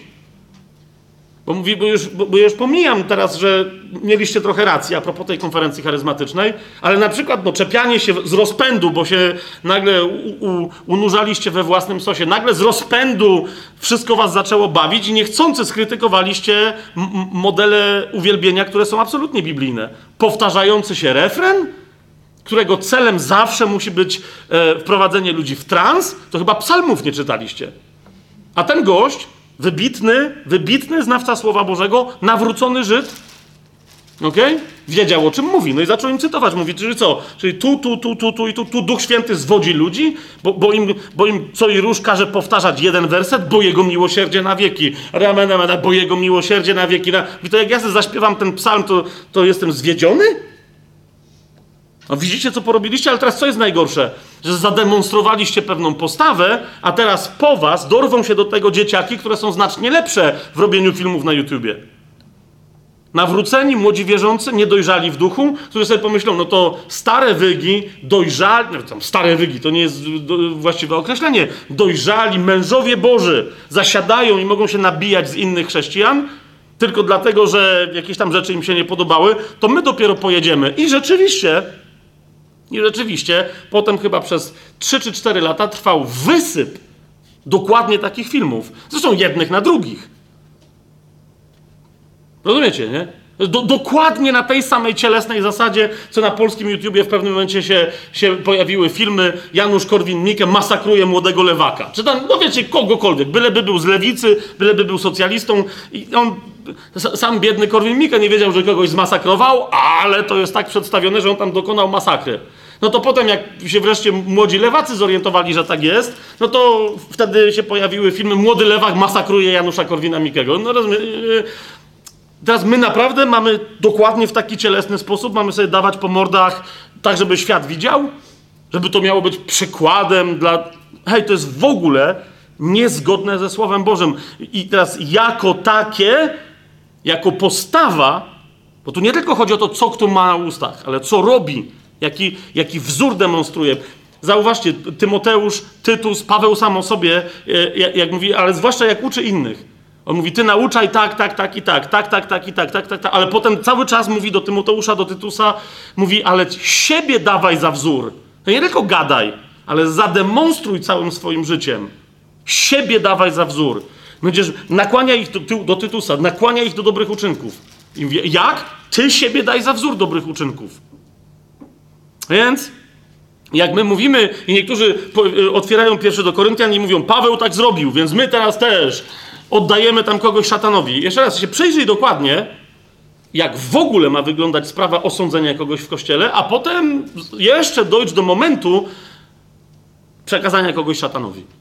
Bo Pan Jezus tylko mówi o tym, żeby ktoś był komuś jak faryzeusz yy, i jak celnik.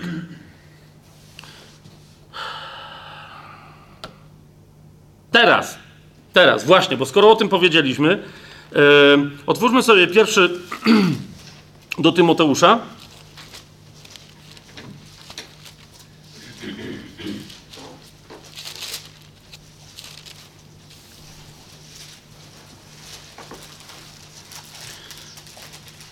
Raz y, zobaczcie, zobacz, skoro o tym mówimy, tak, bo to, chciałem to pominąć, ale, ale jeszcze raz, widzicie, pierwszy list do Koryntian jest demonstracją tego, y, co Paweł nakazuje Tymoteuszowi, Tytusowi i in, nie tylko Paweł zresztą, nam też.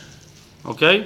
Na przykład w pierwszym, y, do Tymoteusza w pierwszym rozdziale, wersety 3 do 7. Jak cię prosiłem, gdy wybierałem się do Macedonii, byś pozostał w Efezie, tak teraz proszę, abyś nakazał niektórym, żeby inaczej nie nauczali i nie zajmowali się baśniami i niekończącymi się rodowodami, które wywołują raczej spory niż zbudowanie Boże, które oparte jest na wierze. Końcem zaś przykazania jest miłość płynąca z czystego serca, z prawego sumienia i wiary nieobłudnej, od czego niektórzy odstąpili i zwrócili się ku czczej gadaninie, chcąc być nauczycielami prawa, nie rozumiejąc ani tego, co mówią, ani tego, co stanowczo twierdzą. To pierwsza, najważniejsza rzecz. Paweł Tymoteuszowi mówi: ukróć to, nie bój się, wejdź i to ukróć. Spory, kłótnie, mówi, ma być zbudowanie Boże. Jakieś baśnie, jakieś rodowody, wyciągają jakieś historie, kolejne księgi, jakieś tam wtórno-kanoniczne, trzeciorzędne, w ogóle nie wiadomo skąd pochodzące, ale coś rzekomo objawiające. Paweł mówi, inni przyłażą i mówią, że ale prawo powiada, że to albo tamto. Jeszcze raz mówi, nawet ty, kiedy będziesz nauczać, pamiętaj, że końcem przekazania jest miłość, która płynie z czystego serca, prawego sumienia i wiary nieobłudnej. Zwróćcie uwagę, że to sugeruje, że może istnieć wiara obłudna. Podobnie jak w innych miejscach Paweł sugeruje, że miłość nawet może być obłudna i zwraca uwagę, żeby nasza miłość była nieobłudna. Hmm? W liście do Rzymian na przykład. A więc, a więc e, od tego właśnie, bo Paweł mówi, nawet jeżeli przychodzą naprawdę znawcy prawa, ale, od, ale, ale jeżeli oni od tego odstąpią, a więc żeby celem ich nauczania była miłość, zwłaszcza miłość wzajemna w ciele Chrystusa, no to Paweł mówi, to, to ty mi się zajmij. Bo zauważ, od czego odstąpili niektórzy? Od tego, że końcem przykazania jest miłość. Od tego, szósty werset, niektórzy odstąpili i zwrócili się ku czczej gadaninie. Co oznacza, że wszystko, cokolwiek się uczy, a co nie ma na celu miłości, bo niekoniecznie zawsze każde nauczanie musi innych doprowadzić, rozumiecie, do tego, co było założone jako cel. Ale jeżeli ten, kto naucza, nie ma tego na celu w ogóle, no to jak ma gdzieś yy, yy, do, do, do, do, do tego innych, których naucza doprowadzić? Wszystko, cokolwiek w ramach nauczania nie prowadzi do miłości, do końca przykazania, jak mówi Paweł, którym jest miłość, wszystko to jest czczą gadaniną. Wszystko to jest czczą gadaniną. Nieważne, jak wiele tam jest cytatów, nieważne, jak, jak wiele tam jest mądrości ludzkiej, jak wiele tam jest doświadczenia, historii, psychologii, socjologii, to nie ma nic do rzeczy. Drugi do Tymoteusza, yy, drugi rozdział. Yy,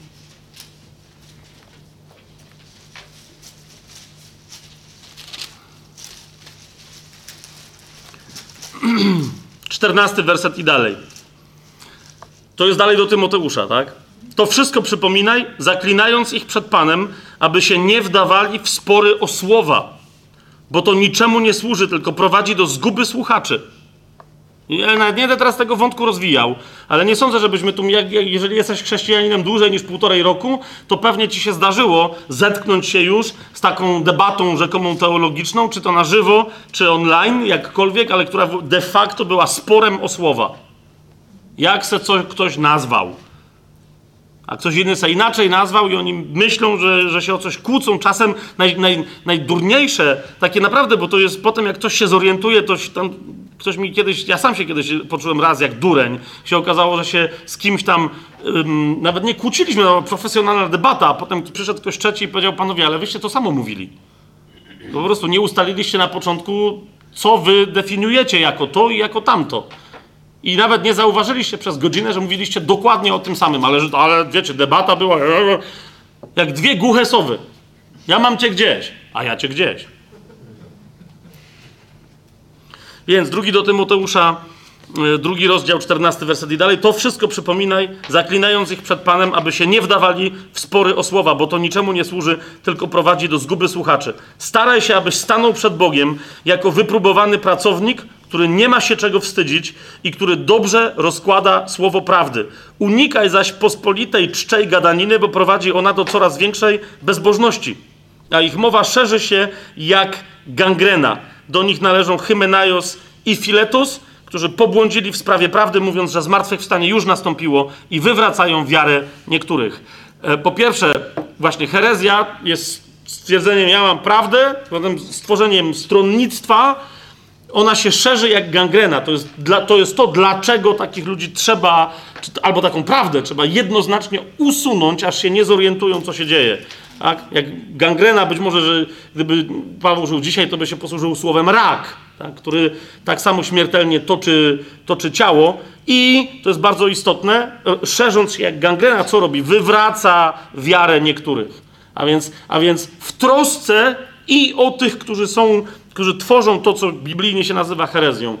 I o to, żeby się nawrócili. I o tych, którzy mogą podpaść ze względu na słabość sumienia, wiary, jak Paweł w innych miejscach mówi i tak dalej. I ich wiara się może wywrócić. Ze względu na tamtych dobro również trzeba się takimi sprawami zajmować i podejmować jasne decyzje. W tym samym drugim rozdziale drugiego do Tymoteusza, zobaczcie 23 werset i dalej.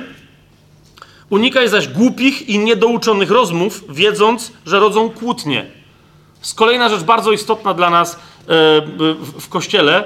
E, czasem, czasem, jeszcze będziemy dzisiaj mówić o tym, co jest, jak ktoś mówi, że ale ja mam objawienie. Dobrze, dobrze, tylko że, że nadal twoje objawienie osobiste nie, nie może przeczyć oczywistej wiedzy.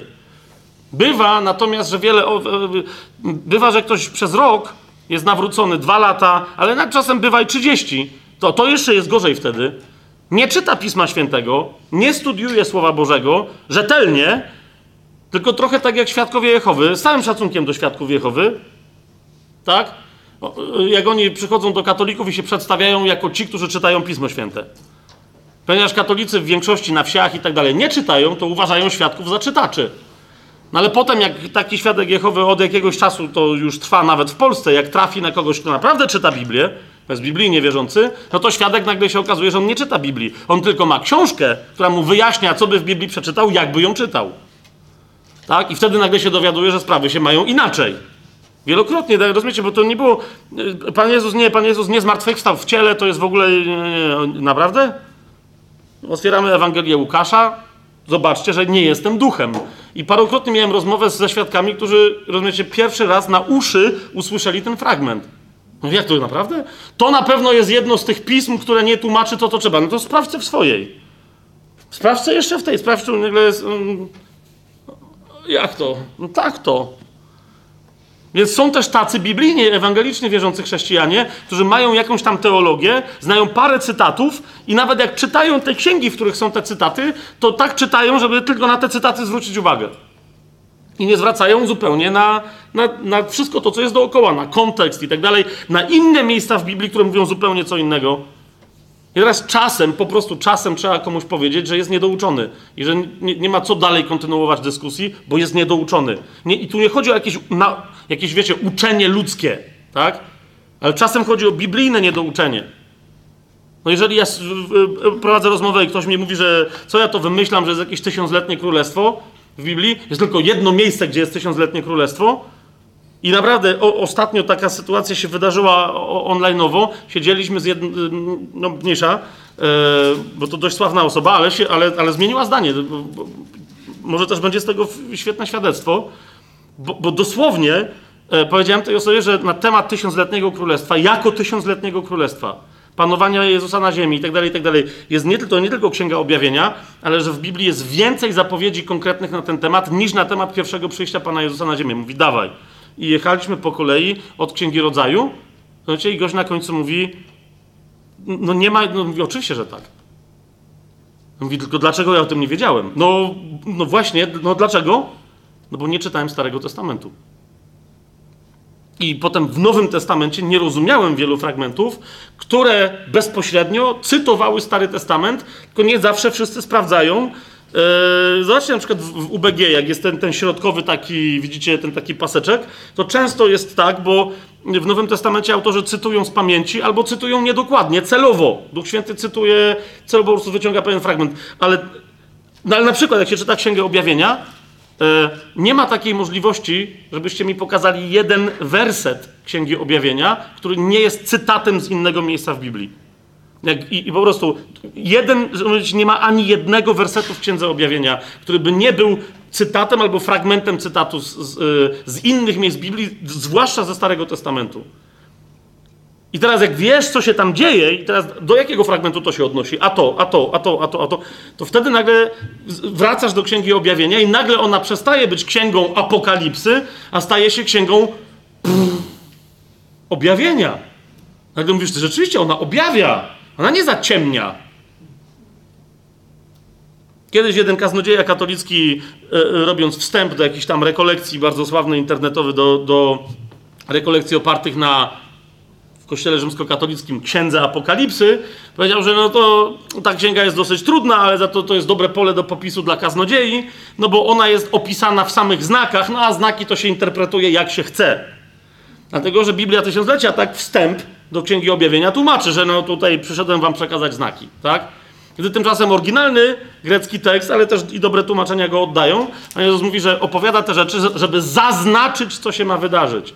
I to jest dokładnie ten sam wyraz, którym Słowo Boże opisuje inną wypowiedź Jezusa, gdzie jest powiedziane, że a powiedział to, aby zaznaczyć, jaką śmiercią ma umrzeć i że ma to być śmierć krzyżowa.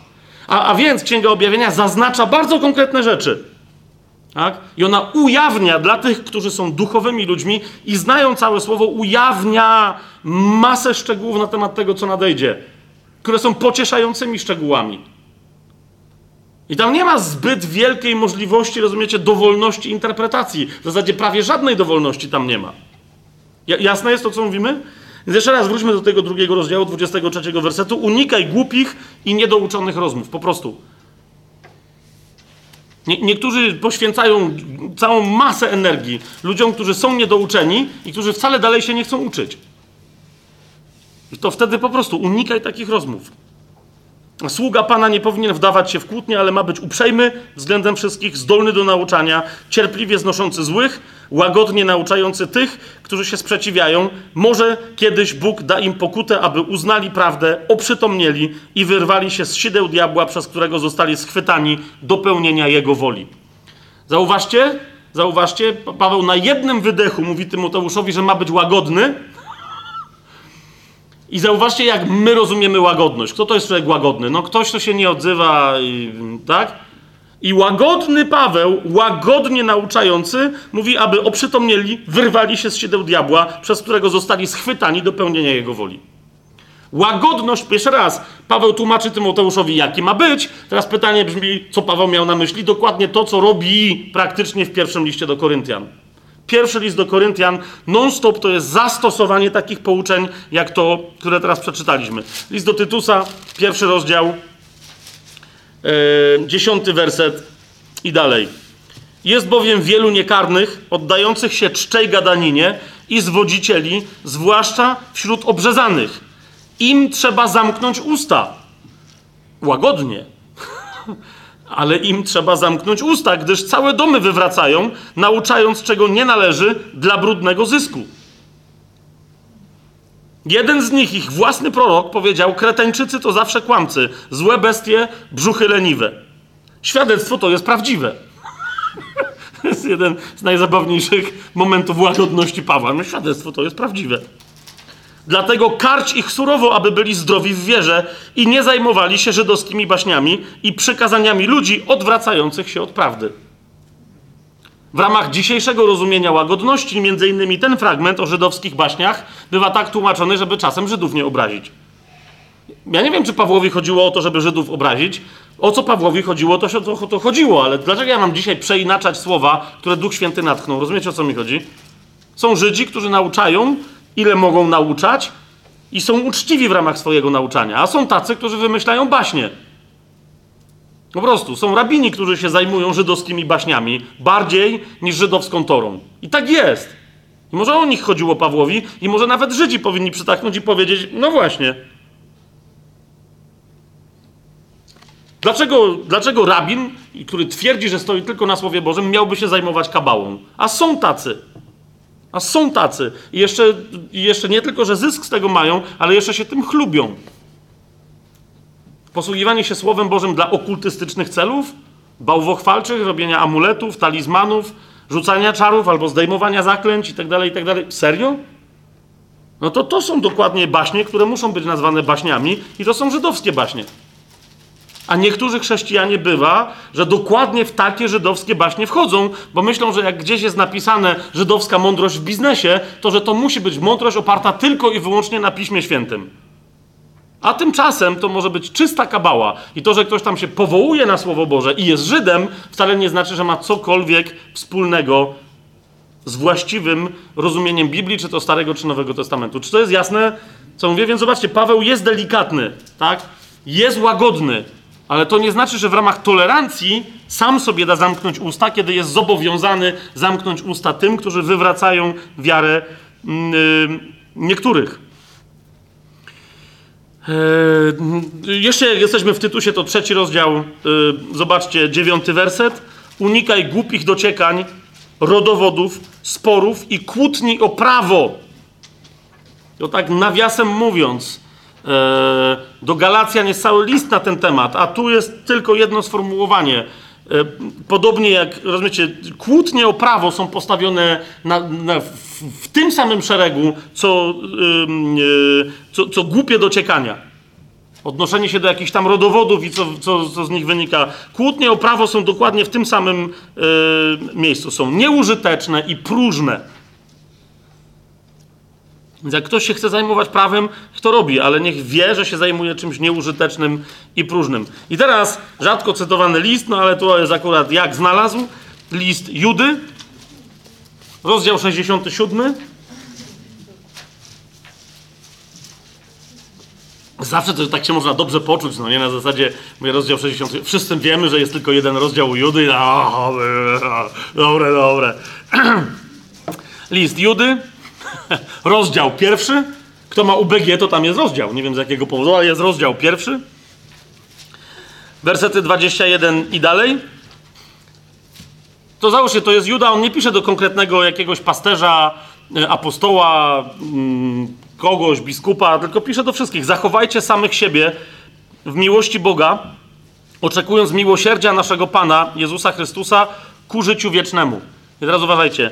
I rozróżniając, rozróżniając, to jest rozeznawanie duchowe, rozeznawanie duchów, o którym też Jan bardzo wyraźnie pisze, zwłaszcza w pierwszym liście, rozróżniając, nad jednymi się zmiłujcie, innych zaś ratujcie przez strach, wyrywając ich z ognia, mając w nienawiści, zwróćcie na to uwagę, nawet szatę, która została skalana przez ciało.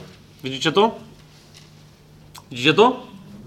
Bardzo, bardzo istotne, Juda, podsumowanie tego wszystkiego jeszcze raz. Jak mamy to robić? Jak mamy mieć w nienawiści nawet szatę, która została skalana przez prawo? Jak rozróżniać? Jak nad jednymi się zmiłować, a innych ratować przez strach? Dokładnie nie tylko co, jest źródłem takich herezji, ale również jak to zrobić, jak rozróżniać, jak to ratowanie przez strach zastosować, to pokazuje pierwszy list do Koryntian. I już niektórzy z Was widzą, aha, okej, okay, no dobrze. Teraz, yy, już półtorej godziny minęło, ale może nam się, może nam się uda. Potrzebujemy sobie zaznaczyć, zanim pójdziemy do bardzo istotnych kwestii szczegółowych, praktycznych zagadnień pierwszego listu do Koryntian, bo Paweł, ten pierwszy list do Koryntian, on pisze, mówi, u was są Koryntianie konkretne problemy. Konkretne schizmy powstały i one mogą doprowadzić do konkretnych herezji. A nawet tam jedną wyraźnie zaznacza jako chyba herezję. Ale Paweł mówi, jakby zarysowuje nam, mówi uważajcie, bo istnieją pewne zasady, które zawsze jak nie załapiemy, że ktoś tą zasadę stosuje, to nas zawsze doprowadzi do podziału i do herezji. Czyli do powstania fałszywego stronnictwa, które, które będzie yy, mieszać. Jakie to są rodzaje nauk, uważajcie, lub postaw, bo to już to sobie rozróżniliśmy, nauk lub postaw, które prowadzą do herezji. Otóż jedną z tych postaw, absolutnie na samym początku, którą muszę e, podnieść, bo wtedy będziemy rozumieli, jak to odróżnić od całej reszty, to jest mianowicie teologia, pseudoteologia, która usprawiedliwia jawny grzech, o którym my wiemy, że jest grzechem. Wszyscy. Tak? I teraz to może być postawa, czyli że ktoś grzeszy jawnie. Robi coś absolutnie jest to jasne, że to jest niezgodne ze Słowem Bożym, i on trwa w tym i mówi: A to akurat ten grzech mi wolno, bo coś tam. I ma na to teologię. ok?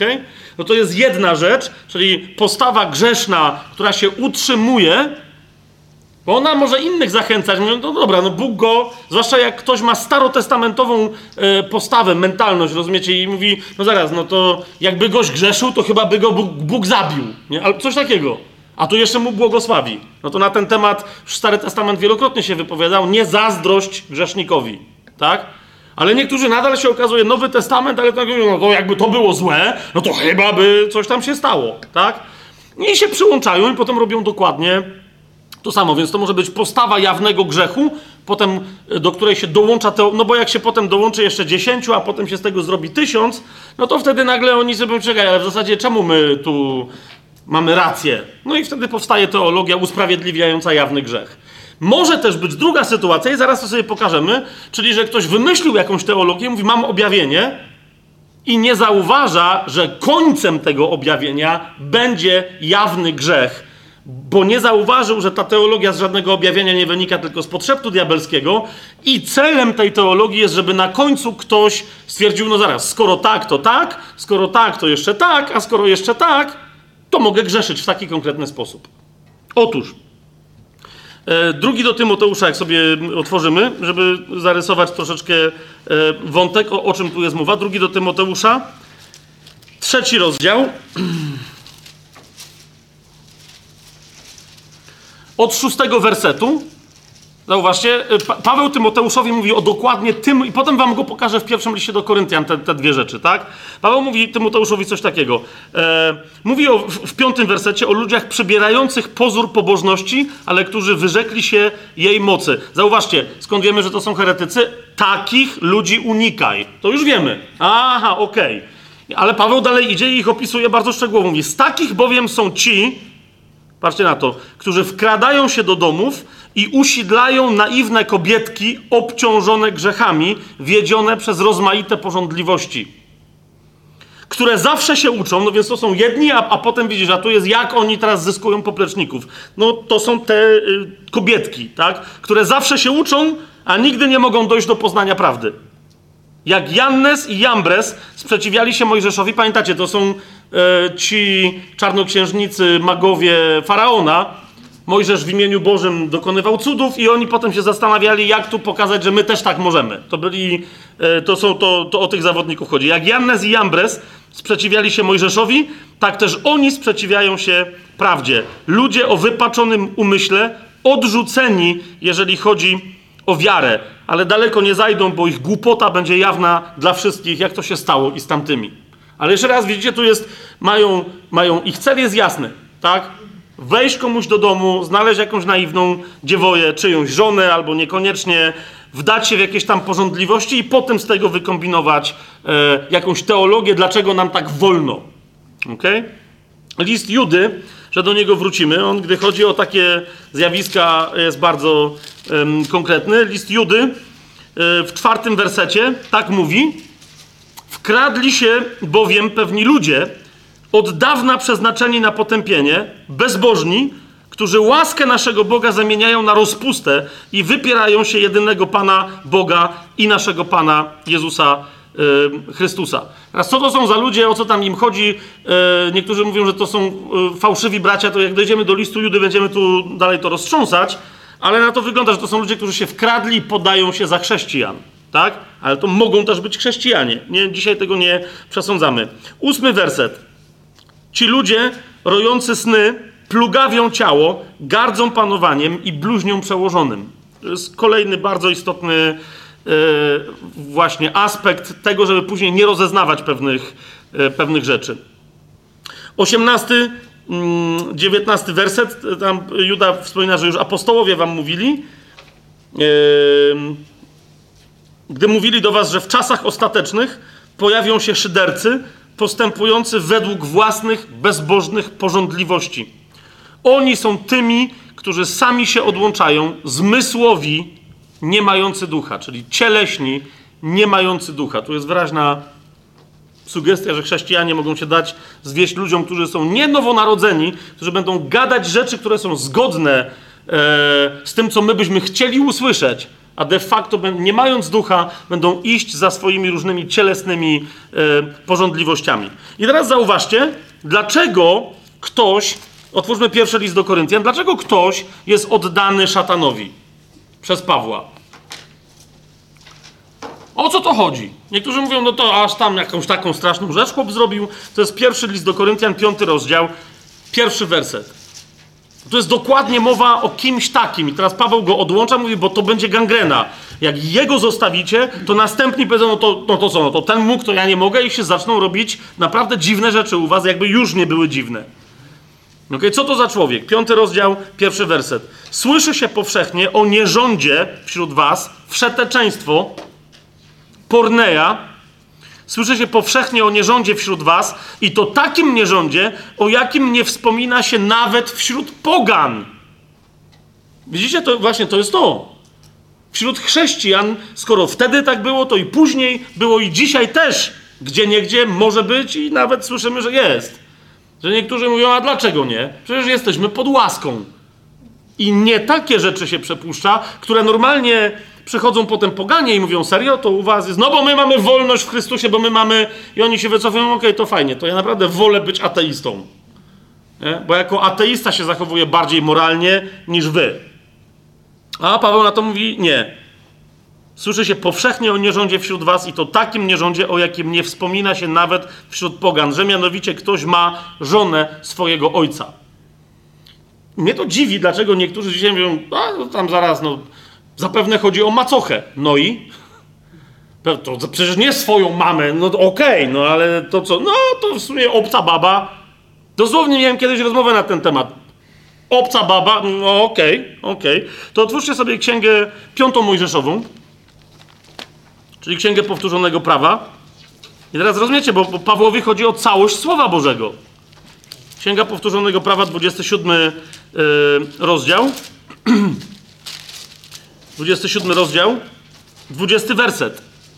Przeklęty! To jest jedno z przekleństw, które było krzyczane nad Samarią, tak? Jedni wykrzykiwali błogosławieństwa, a drudzy przekleństwa. I na te konkretne przekleństwa lud cały wykrzykiwał Amen!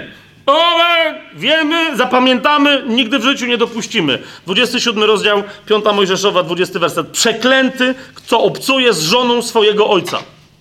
Widzicie to? Nie mówi, co Koryntianie, no to jesteście biblijnie wierzący, to co nie wiecie o tym? Przeklęty, kto obcuje z żoną swojego ojca, bo odkrywa brzeg płaszcza swojego ojca, a cały lud powie amen. I to jest tylko powtórzenie yy, po już jasnym stwierdzeniu z 22 bodaj rozdziału. Tak jest, 22 rozdział, yy, 30 werset. Nie pojmie mężczyzna żony swojego ojca i nie odkryje brzegu szaty swojego ojca.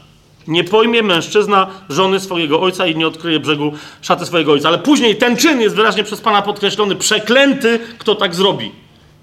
A bycie pod przekleństwem oznacza różne inne tam historie, tak? Jeszcze w księdze w trzeciej Mojżeszowej w 20 rozdziale w 11 wersecie Dlatego między innymi jest, to jest dla kapłanów przypomnienie prawa mojżeszowego. Mężczyzna, który położy się z żoną swojego ojca, odsłonił nagość swojego ojca, dlatego oboje poniosą śmierć, a ich krew spadnie na nich. Poniosą śmierć, to oznacza jako przeklęci. Widzicie to? Mamy to? Więc dlatego, więc dlatego e, Paweł mówi, serio? Jaki, co wam się tam podziało w głowach, że, że, że, że nagle zaczynacie, bo wróćmy do tego pierwszego, e, do Koryntian, do piątego rozdziału. Rozumiecie? Bo tam musiała powstać jakaś teologia, jakieś wyjaśnienie, dlaczego my tak możemy. Zobaczcie, on mówi, nawet wśród pogan nie ma czegoś takiego, że ktoś wziął za żonę żonę swojego ojca. Zobaczcie drugi werset. A wy wbiliście się w pychę zamiast tak się smucić, aby został usunięty spośród was ten, kto się dopuścił tego czynu. Paweł przez cały pierwszy list do Koryntian pychą nazywa uznawanie przez Koryntian, że oni coś wiedzą. I dlatego do tego jeszcze, jeszcze też podejdziemy, dlatego Paweł cały czas ich pyta, naprawdę wiecie? A to wiecie w takim razie może, że to?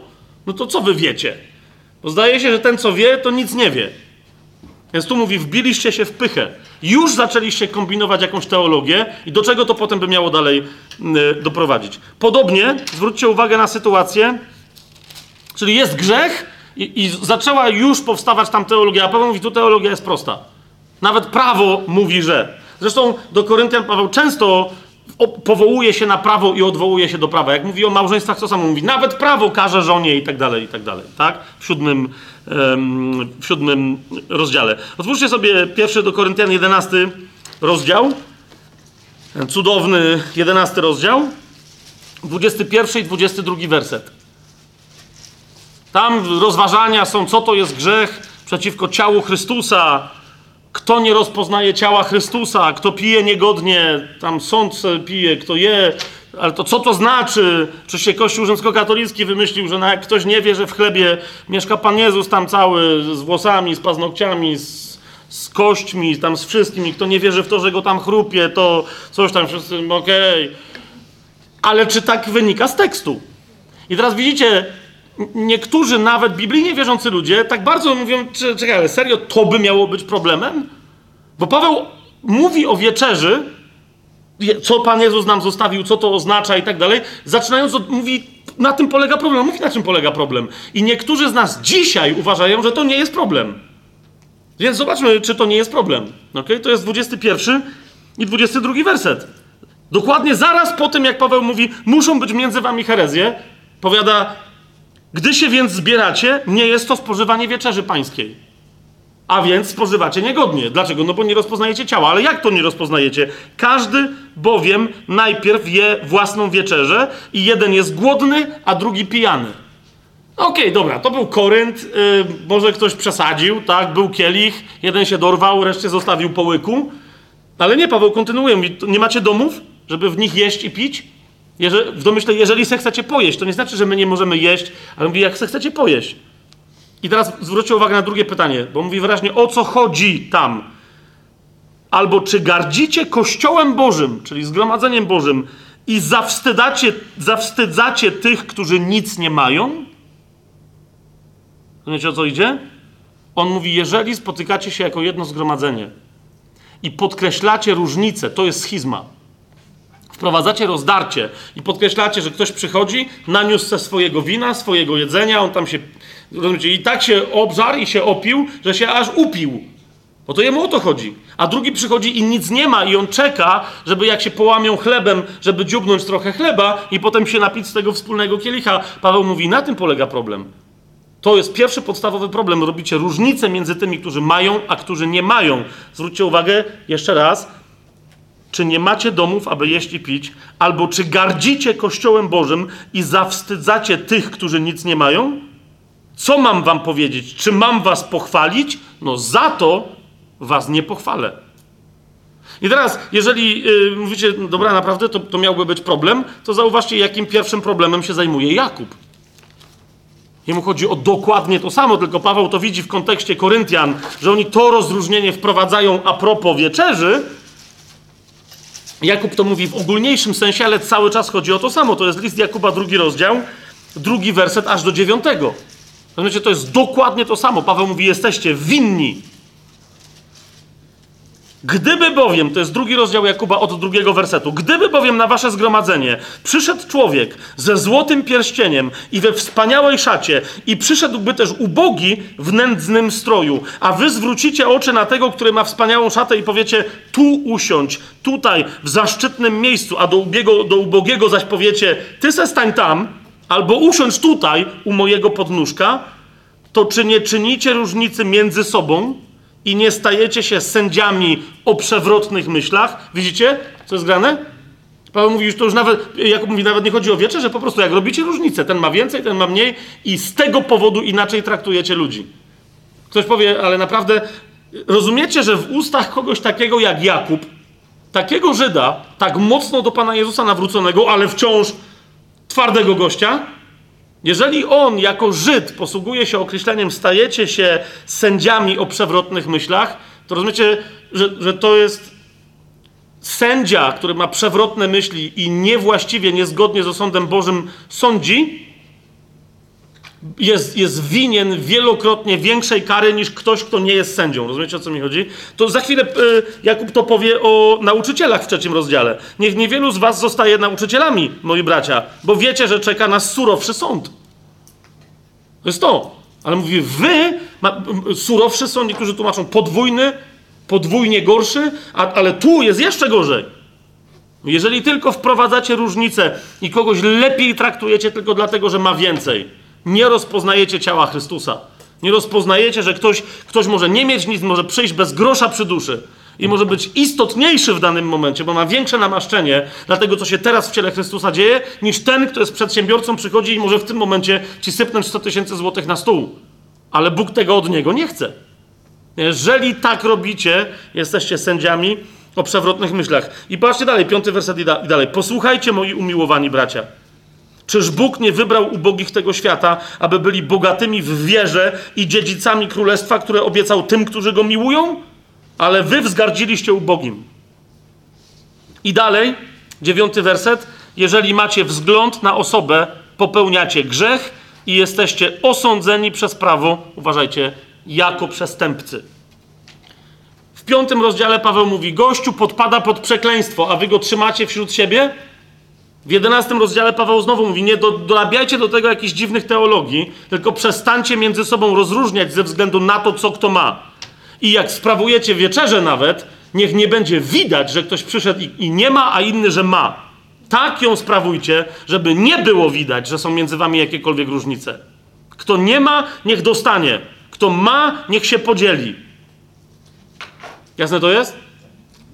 Teraz, I teraz jeszcze my będziemy o pierwszym do Koryntian o wieczerzy, będziemy więcej mówić, ale zauważcie, w tym kontekście cała reszta się dokładnie w tym kontekście się ciągnie. 28 werset. Niech więc, y, pierwszy do Koryntian 11 rozdział, 28 werset. Niech więc człowiek bada samego siebie i tak niech jest tego chleba i niech pije z tego kielicha. Jak się przebadał? Czy widzi różnicę między bratem i siostrą, y, którzy od wielu wieczerzy nic nie przynoszą na te wieczerze i nic nie mają?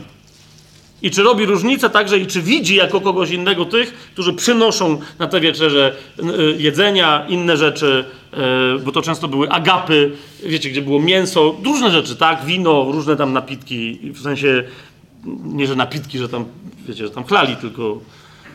No dobra, dobra. List Judy, list Judy, na, jeszcze tylko, żeby wam potwierdzić, o co tutaj chodzi. Bo niektórzy powiadają, nie, to gdzie to ma potwierdzenie. Po pierwsze, to wynika z tekstu u Koryntian, ale zobaczcie list Judy, wersety 10 do 12.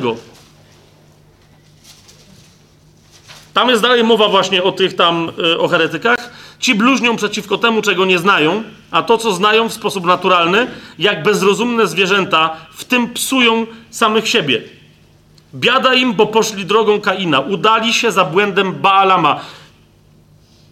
Przyjrzyjcie się temu błędowi i temu imieniu, tak? Ono jest istotne. Ono się pojawia w wielu innych e, miejscach i jest pewnym bardzo ważnym tropem. Biada im, bo poszli drogą Kaina, udali się błędem Balaama dla zapłaty i zginęli w buncie Korego. Oni są zakałami na waszych ucztach braterskich, którzy z wami bez bojaźni ucztują, pasąc samych siebie. Widzicie to?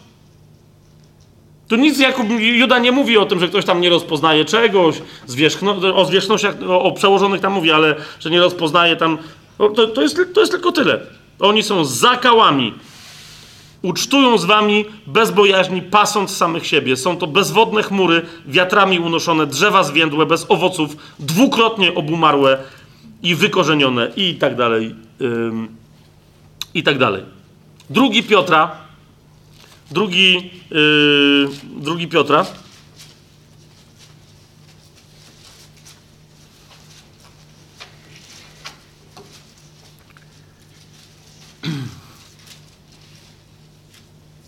Bo, bo tu jest jedna, jedna z takich istotnych yy, yy, rzeczy, bo jednym z aspektów tego, Yy, bo to się jedno zawsze z drugim wiąże, tak? Piotr tu pisze, cały drugi rozdział, on pisze o heretykach i o herezjach. Zobaczcie, drugi rozdział drugiego listu Piotrowego się zaczyna od byli też fałszywi prorocy wśród ludu, jak i wśród was będą fałszywi nauczyciele, którzy potajemnie wprowadzają herezję zatracenia. Tak? I on tam dalej w tym y, rozdziale rozwija tę myśl, co to są za nauczyciele, co to są za herezje zatracenia. E, w dziesiątym wersecie mówi przede wszystkim, yy, mówi, że, że tych trzeba unikać, tak? Przede wszystkim zaś tych, którzy podążają za ciałem w nieczystej rządzy i pogardzają władzą. To jest jeden z aspektów nierozpoznania yy, także ciała Chrystusa. Nie, teraz nie będziemy tego rozważać, ale to jest ważne ze względu na następne tam teksty. Zuchwali i samowolni nie boją się bluźnić przeciwko yy, przełożonym i przeskoczmy do 12 wersetu aż do 15, bo to się jedno z drugim wiąże. Właśnie takie, ale mi wolno, ja, a o co chodzi? Kto mi będzie coś mówił? Ci, jak nierozumne zwierzęta, z natury przeznaczone na schwytanie i zagładę, bluźnią przeciwko temu, czego nie znają, to też zginą w swoim zepsuciu. I otrzymają zapłatę za niesprawiedliwość, skoro uważają za przyjemność hulanie za dnia. Zakały i plugawcy upajają się swymi oszustwami, gdy z wami ucztują. Następnie, widzicie, to jest, to jest, to jest, to jest kolejny. I teraz patrzcie, co jest dalej.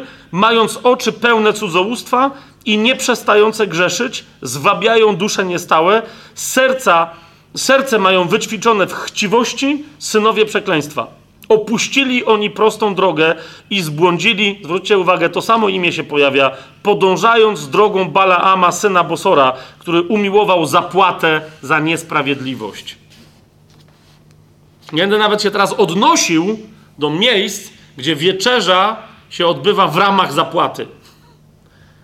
Nawet, się nie chcę tam zapędzać, ale, ale rozumiecie, to nie jest jeden, to, bo to jest kolejny aspekt dokładnie, dokładnie tego, tak? że wręcz sama wieczerza się, nazywa się coś wieczerzą i się bierze za pieniądze za to, żeby, żeby ją przeprowadzić. Zazwyczaj na takich wieczerzach, Olga, naprawdę nie wiesz o czym mówię? Okej, okay, to okej, okay, okej, okay. Okay. 17, jeszcze 18 werset, zobaczmy.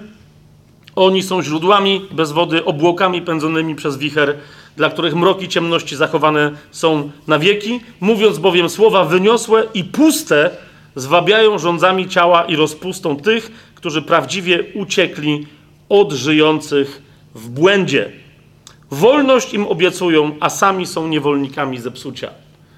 Więc to, to jest to, co, co, co Paweł między innymi w Koryncie piętnuje. Ro, wprowadzanie rozróżnienia plus demonstracyjne e, przechwalanie się lepszym statusem społecznym, większymi pieniędzmi, możliwościami i kuszenie w ten sposób e, innych. W Księdze Objawienia, czasem niektórzy pytają, my do, tymi zawodnikami się jeszcze osobno zajmiemy, pojawia się sekta Nikolaitów, Chcę Wam tylko zwrócić uwagę, bo niektórzy tam wymyślają jakieś dziwne historie na ten temat, że ta sekta jest związana, wbrew pozorom, nie jest tak, że niewiele o, o, o nich mówi Biblia.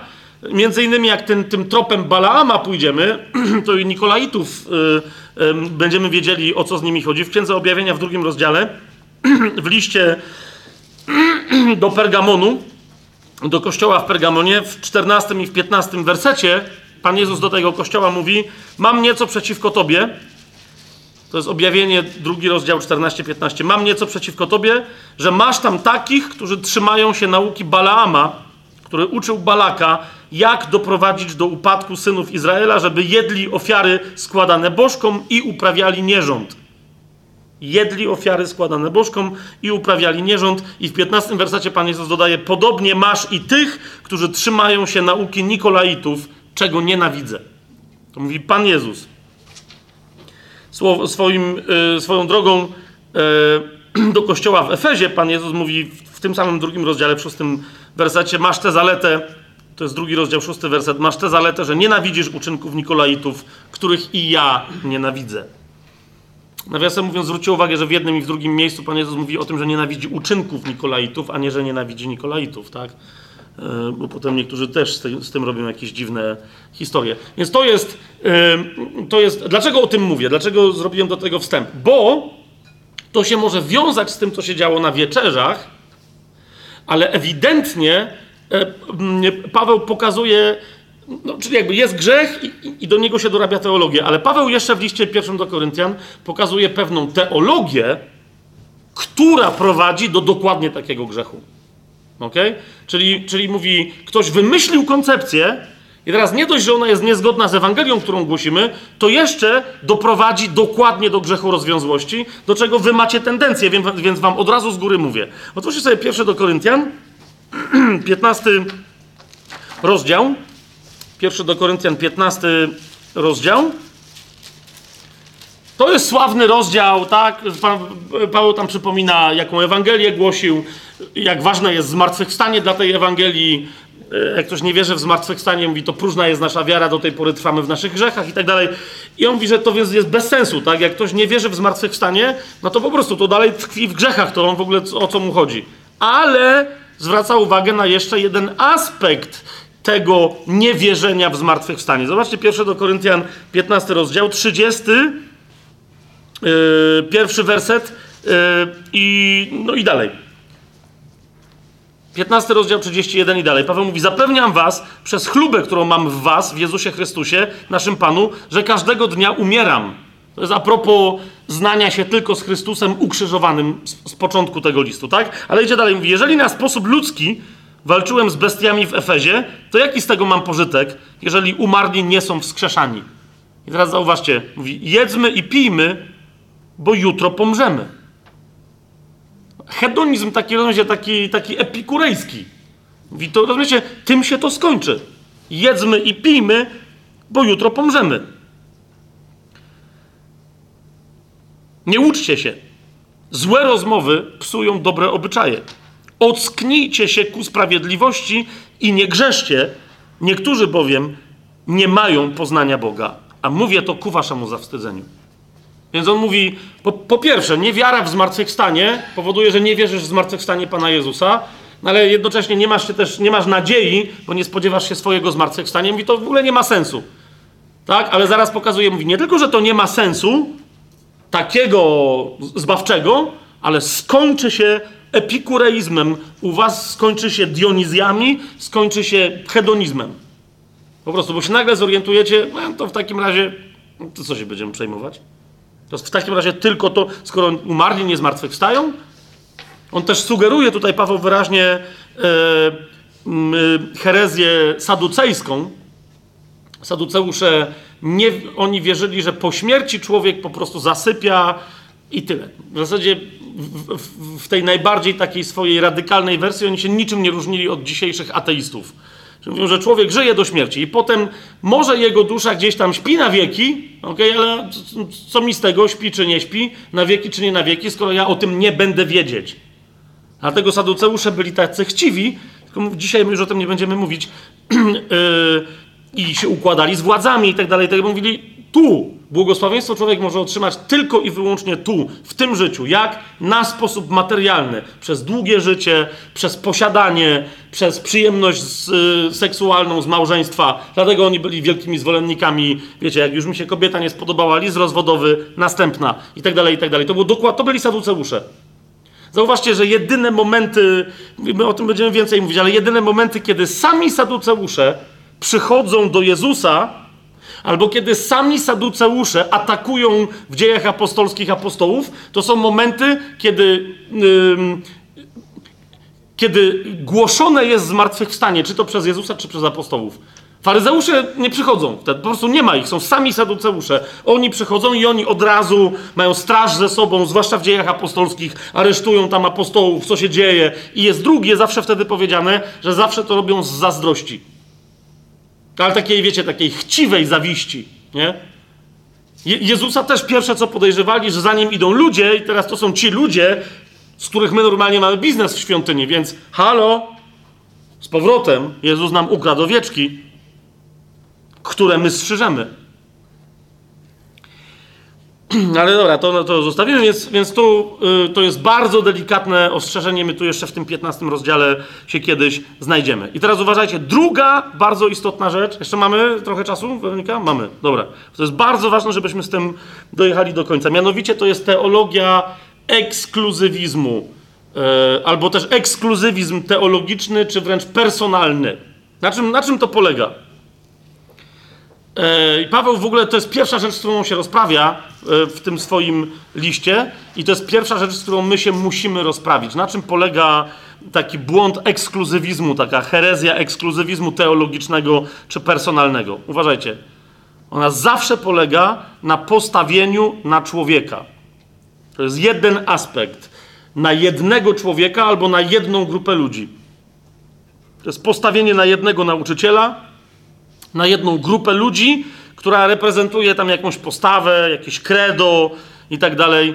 Bezkrytyczne przyjęcie tego człowieka, tych ludzi albo tego nauczania, czy jakiegoś jednego credo w, całości, jako punktu odniesienia. Ok? Czyli, czyli, czyli ktoś mówi, yy, zgadzam się z tym gościem w tym, w tym, w tym i w tym i jeszcze w tym i to mi się podoba, jak, jak on robi i jeszcze to i jeszcze to, to się do niego przyłączam. Skoro tak jest, to od tej pory uważam tego człowieka, po prostu cokolwiek ten gościu powie, to ja to, ja to od niego łykam, bezkrytycznie. Mnóstwo ludzi biblijnie i ewangelicznie wierzących w ten sposób idzie jak baranki na rzeź za jednym dosłownie człowiekiem, nabijając się przy okazji z papistów. Że katolicy idą za papieżem. Z całym szacunkiem, ale nigdy w życiu nie widziałem w katolicyzmie takiego sekciarskiego zapatrzenia się w jedną osobę albo w jeden rodzaj nauczania, jak obserwuję regularnie wśród protestantów rozmaitego typu. I wiecie o czym mówię. Tak? To, to, więc jedna rzecz to jest przyjęcie kogoś absolutnie yy, właśnie, a, a, a jeszcze druga rzecz to jest odrzucenie kogoś ze względu na to, kim jest albo czego naucza w całości. To jest kolejna rzecz, tak? Ja na przykład miałem taką rozmowę całkiem niedawno, gdzieś e, w sensie rozmowy w ramach nauczania powiedziałem, że e, przesłuchałem ze dwóch godzin nauczania, bardzo interesującego nauczania, e, nie pamiętam się Paulson, jak ma na imię. No w każdym razie, to nie jest, jakiś, to nie jest jakaś za bardzo moja bajka.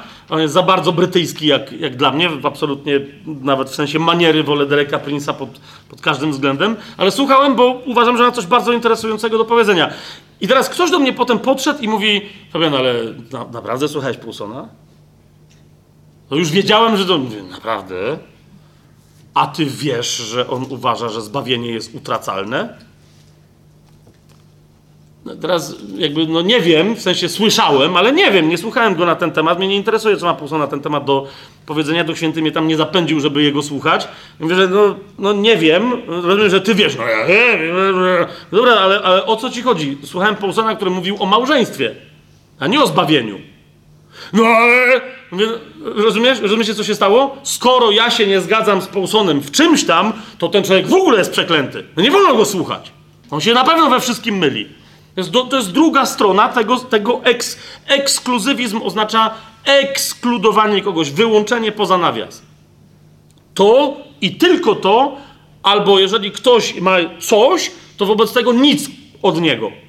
Nie? Ja sobie bardzo cenię ludzi, którzy słuchają tajemny plan, piszą, czy dzwonią, czy się spotykamy na żywo, mówią Fabian, bardzo korzystam z, z, tego, co ty robisz, to mi się podoba, z tym się nie zgadzam, z tym się nie zgadzam, czy możemy pogadać. O to, rozumiecie, to jest świetne, tak?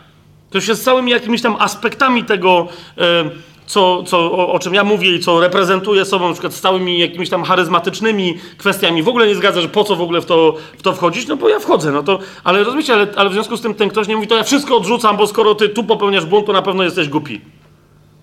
To jest ten rodzaj ekskluzywizmu, który Paweł absolutnie e, po prostu bierze w rękę i mówi, no ej, nie wygłupiajcie się. Tak? Ale jeszcze, ale jeszcze, zaraz wam pokażę, gdzie to się w pierwszym do Koryntian dokonuje, ale jeszcze bardziej mówi, uważajcie, jak sobie, kiedy jesteście w jednym ciele, w którym macie korzystać z usługi różnych członków, jak się przylepiacie tylko i wyłącznie do, do, do jednej usługi jednego z członków. Po prostu, bo nie wszystko załatwia krwiobieg, bo nie wszystko załatwia układ nerwowy, bo nie wszystko załatwia układ trawienny. Rozumiecie o co mi chodzi? Bo nie wszystko załatwia układ tam jakiś jeszcze więc już Jeremiasz dał y, bardzo wyraźne ostrzeżenie i ono wciąż nas obowiązuje. Na ten temat to jest Jeremiasz 17 rozdział, 5 i 6 werset. Oczywiście wielu mówi to, nie, ja, ja, ja tylko, absolutnie, ja Chrystus, ja e, coś tam, ale Chrystus reprezentowany tylko i wyłącznie przez, i tu padają nazwiska, tak? Chrystus tylko i wyłącznie reprezentowany przez Johna MacArthur'a. Chrystus tylko i wyłącznie reprezentowany przez, przez Torbena. Chrystus tylko i wyłącznie reprezentowany przez... No, no rozumiecie o co mi chodzi, znacie te postawy, tak? Teraz wszystkie te nazwiska, które tu padają, nie podaję w negatywnym sensie, tylko negatywne ewidentnie zjawisko, jak ktoś się tylko tego trzyma. Ma poustalane, ja reprezentuję południowych baptystów Stanów Zjednoczonych i oni wyznają to, to, to, to i to. W związku z tym przestudiowałem ich podejście do tego, do tamtego, okej, okay. ale teraz ktoś się pyta, a jak uważasz, czy Kościół będzie pochwycony przed wielkim uciskiem, po czy w trakcie? I teraz bardzo często taki człowiek twierdzi, że on, prze, on przebadał, co sprawdza. Nie sprawdza Biblii, nie czyta znowu całej Biblii od początku do końca. Nie pyta się, nie, tylko on sprawdza, a jak tam ci moi wierzą, w co my wierzymy. Nie, nie, widzę, że się spotkaliście. No nie, a, a my, co my, co, co my uważamy? My jesteśmy pretrybulacjoniści. Nawet, słuchajcie, raz miałem naprawdę taką rozmowę, ktoś mówi, ja jestem pretrybulacjonistą. Mówię, o, to uważasz, że kompletne pochwycenie przed wielkim uciskiem. I widziałem na twarzy gościa, naprawdę tak uważam? No najwyraźniej tak uważam. Tak powiedziałem, to tak uważam. Ale to no, gość w ogóle, wiecie, a to o to chodzi? To okej, okay. okej. Okay. My tak wierzymy, to co się będę kłócił z nami. Księga Jeremiasza, 17 rozdział, yy, 5-6 werset. Tak mówi Jahwe. Przeklęty człowiek, który ufa człowiekowi i który czyni ciało swoim ramieniem, a od Jahwe odstępuje jego serce. Przeklęty człowiek, Zapamiętajcie to, bo za chwilę przeskoczymy do Pawła i Paweł dokładnie do tego będzie pił. Przeklęty człowiek, który ufa człowiekowi i który czyni ciało swoim ramieniem. Bo zaufanie drugiej osobie jest zaufaniem ciału. A Paweł wyraźnie powiedział, żeby się nie pyszniło żadne ciało. Amen? Będzie bowiem taki człowiek, dalej Jeremiasz kontynuuje, jak wrzos na pustyni, który nie czuje, gdy przychodzi coś dobrego, ale wybiera suche miejsca na pustyni w ziemi słonej i bezludnej.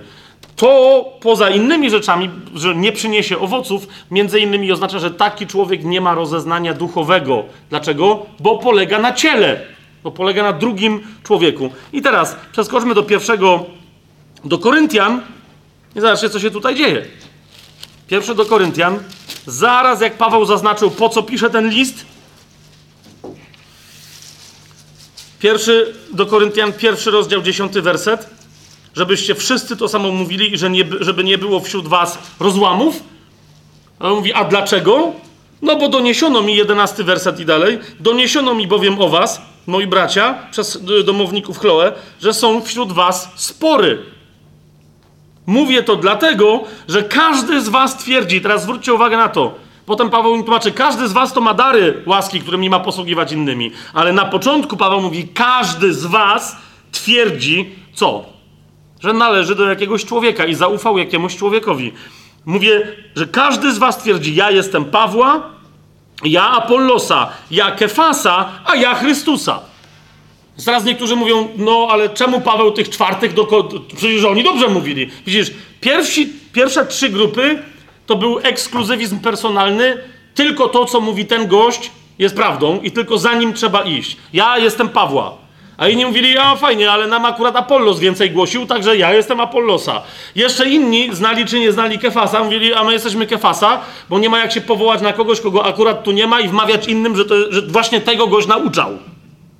Ja czasem spotykam ludzi, którzy mówią w innych miejscach, ja się tego nauczyłem od Fabiana. I potem ktoś do mnie dzwoni, tak, albo właśnie gdzieś się spotykam, mówią, no Fabian, wiesz co, ale to przesadziłeś, tak? Mówię, a czym? No bo to i to bez przesady. Bo ja pierwsze w życiu słyszę. Jest parę osób ze mną, wszyscy są zdziwieni. No nie, nie zdarzało się tak, że gdzieś przyjeżdżamy wszyscy, co? No bo tu był gość i mówił, że Fabian, no rozumiesz, to sprawdź to najpierw. To był klasyczny gość w Koryncie, który mówił, ja jestem Kefasa. Tylko Kefas o tym nic nie wiedział.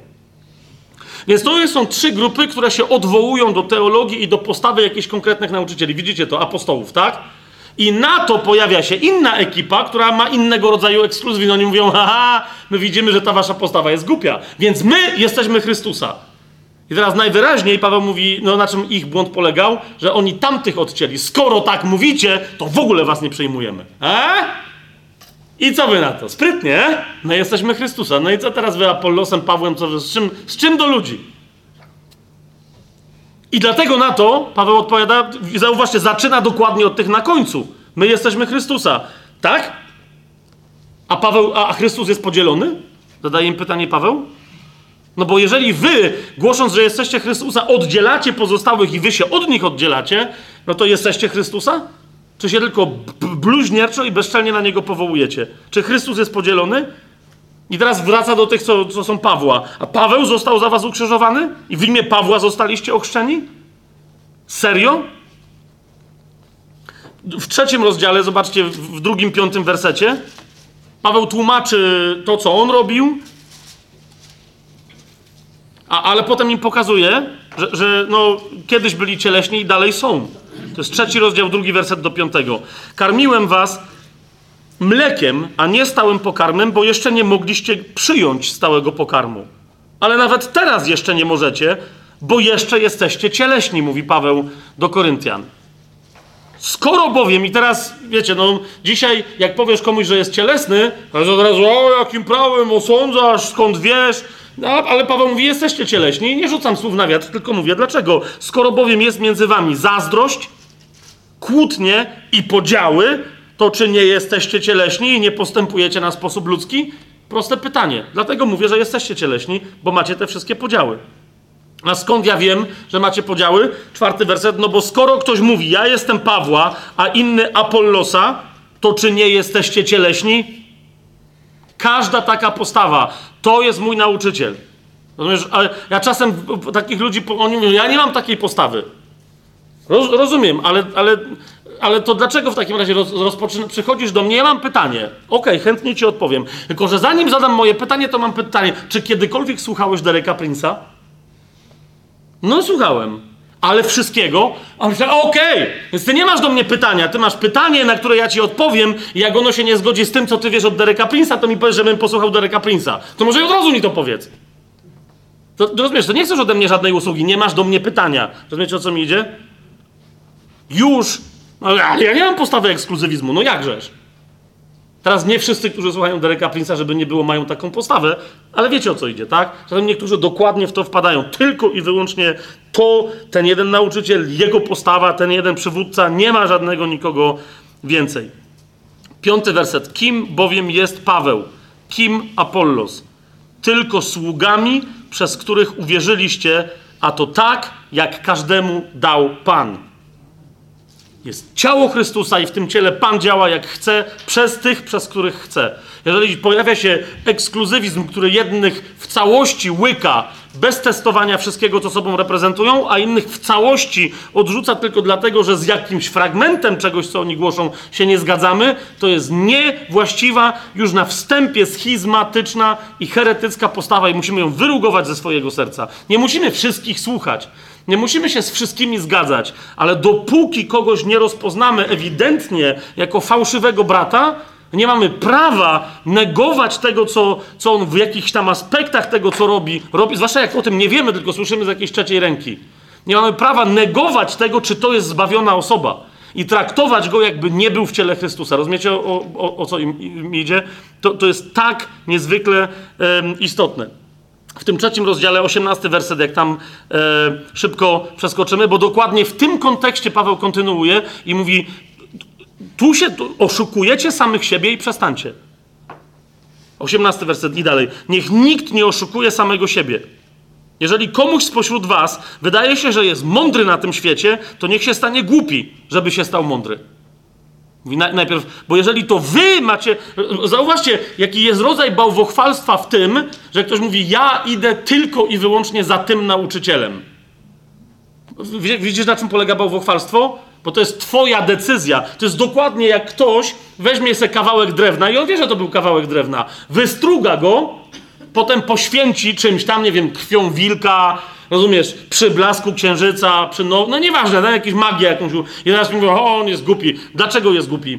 Ponieważ czci dzieło własnych rąk. Biblia wielokrotnie o tym mówi. A w ten sposób de facto czci siebie.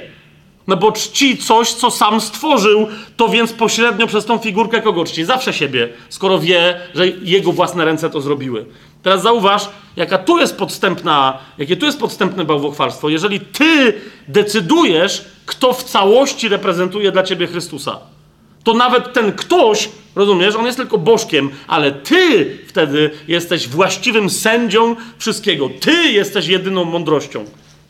Jeżeli taką decyzję podejmujesz, zamiast być poddanym mądrości całego ciała Chrystusa. I dlatego Paweł tutaj to para, taki paradoks stwarza i mówi: Jeżeli komuś się wydaje z Was, że jest mądry na tym świecie, to niech się stanie głupim, żeby dopiero się stał mądrym. Mądrość bowiem tego świata jest głupstwem u Boga, bo jest napisane: On chwyta mądrych w ich przebiegłości. I znowu w innym miejscu Pan zna myśli mądrych i wie, że są marnością.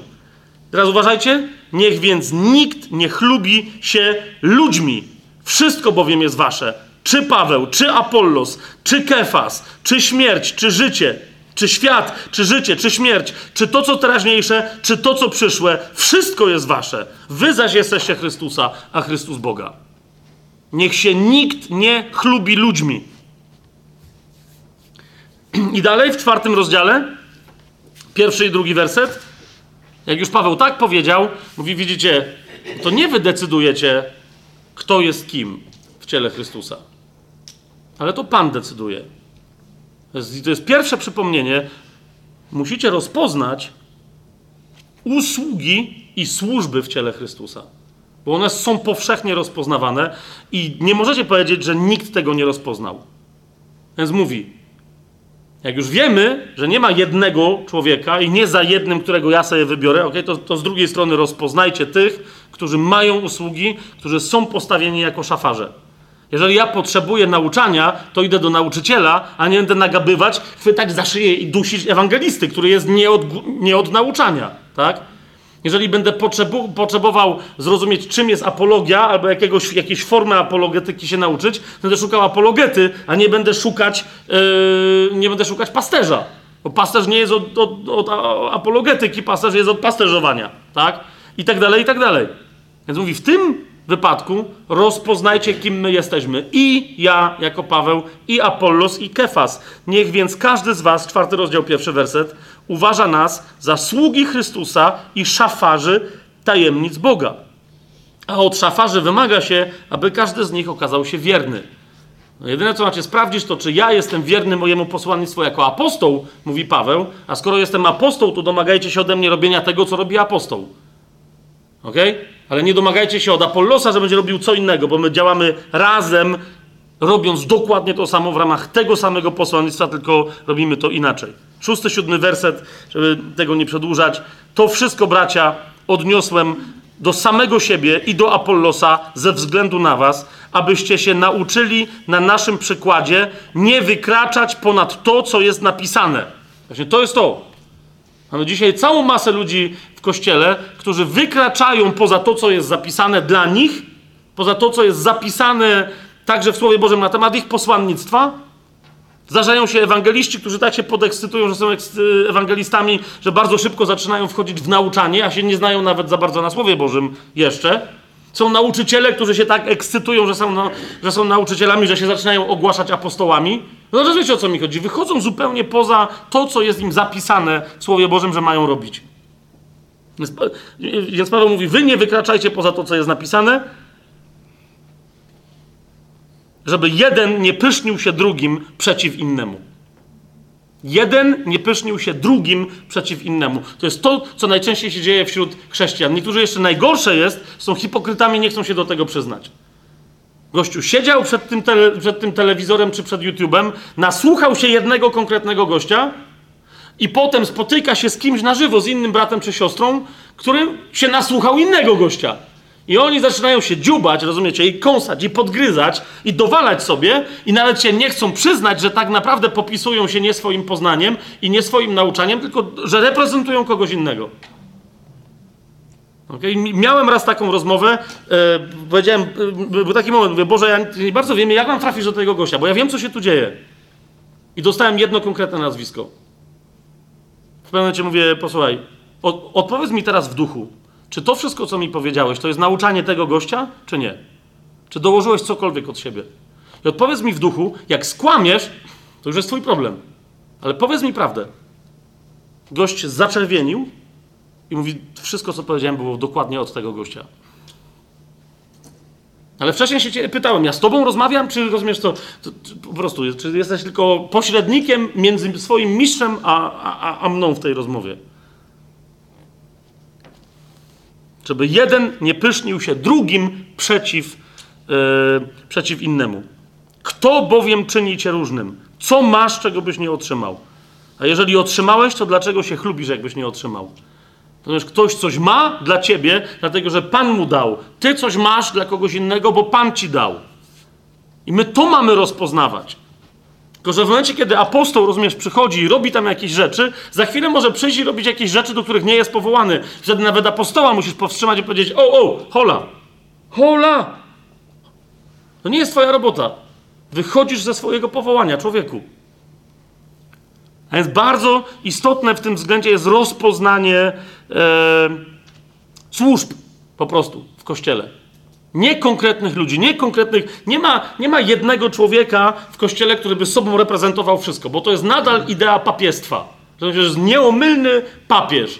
Pontifex Maximus. Jedyny pomost pomiędzy tobą a Bogiem. Albo to, czasem to nie jest jedna osoba, to czasem to jest, i to jest naprawdę rzecz, teraz chodzi o to, że ja wiem, że w historii różne rzeczy się działy i my musimy w tym, ale naprawdę, wiecie, podział ciała Chrystusa na denominacje, ja wiem, że jest wynikiem historycznych różnych zaszłości, ale jeżeli ktoś zaczyna w ramach tego podziału dzisiaj atakować innych tylko dlatego, że uważa, że musi reprezentować denominację, no to, no to to jest dokładnie to. Czuje się bardziej wierny denominacji niż Chrystusowi. No bo uważa, że tylko ta denominacja jest jedynie zbawcza. Inna rzecz, że dzisiaj w Polsce mamy też takie sytuacje, że powstają e, ukryte denominacje. E, ludzie trafili ze względu pewnych tam jakichś tam historii osobistych i tak dalej, są pastorami, przełożonymi nauczycielami, różnymi rzeczami w różnych denominacjach, a potem zgadali się z innymi pastorami, nauczycielami, ewangelistami i tak dalej, z innych denominacji i odkryli, że w sumie sobie są bliżsi niż ludzie z ich własnej denominacji. Więc oni oficjalnie reprezentują denominację, ale nieoficjalnie niektórych z własnej denominacji nienawidzą, ponieważ czują się bardziej spójni z denominacją, którą sobie nieoficjalnie stworzyli. Jest to jasne, co powiedziałem, nie chcę tego rozwijać, ale to jest nadal to samo i my musimy z tego pokutować. Jeszcze raz, nie po to, żeby zaś zrobić z denominacji wrogów, a więc każda denominacja, po prostu, no bo one istnieją z różnych powodów. Ale, ale, ale jest, staje się grzechem w momencie, kiedy my zaczynamy myśleć o Kościele jako o ludziach lepszych i gorszych, jako, jako ciekawszych kategoriach i, i, i mniej ciekawych kategoriach ze względu na przynależności denominacyjne.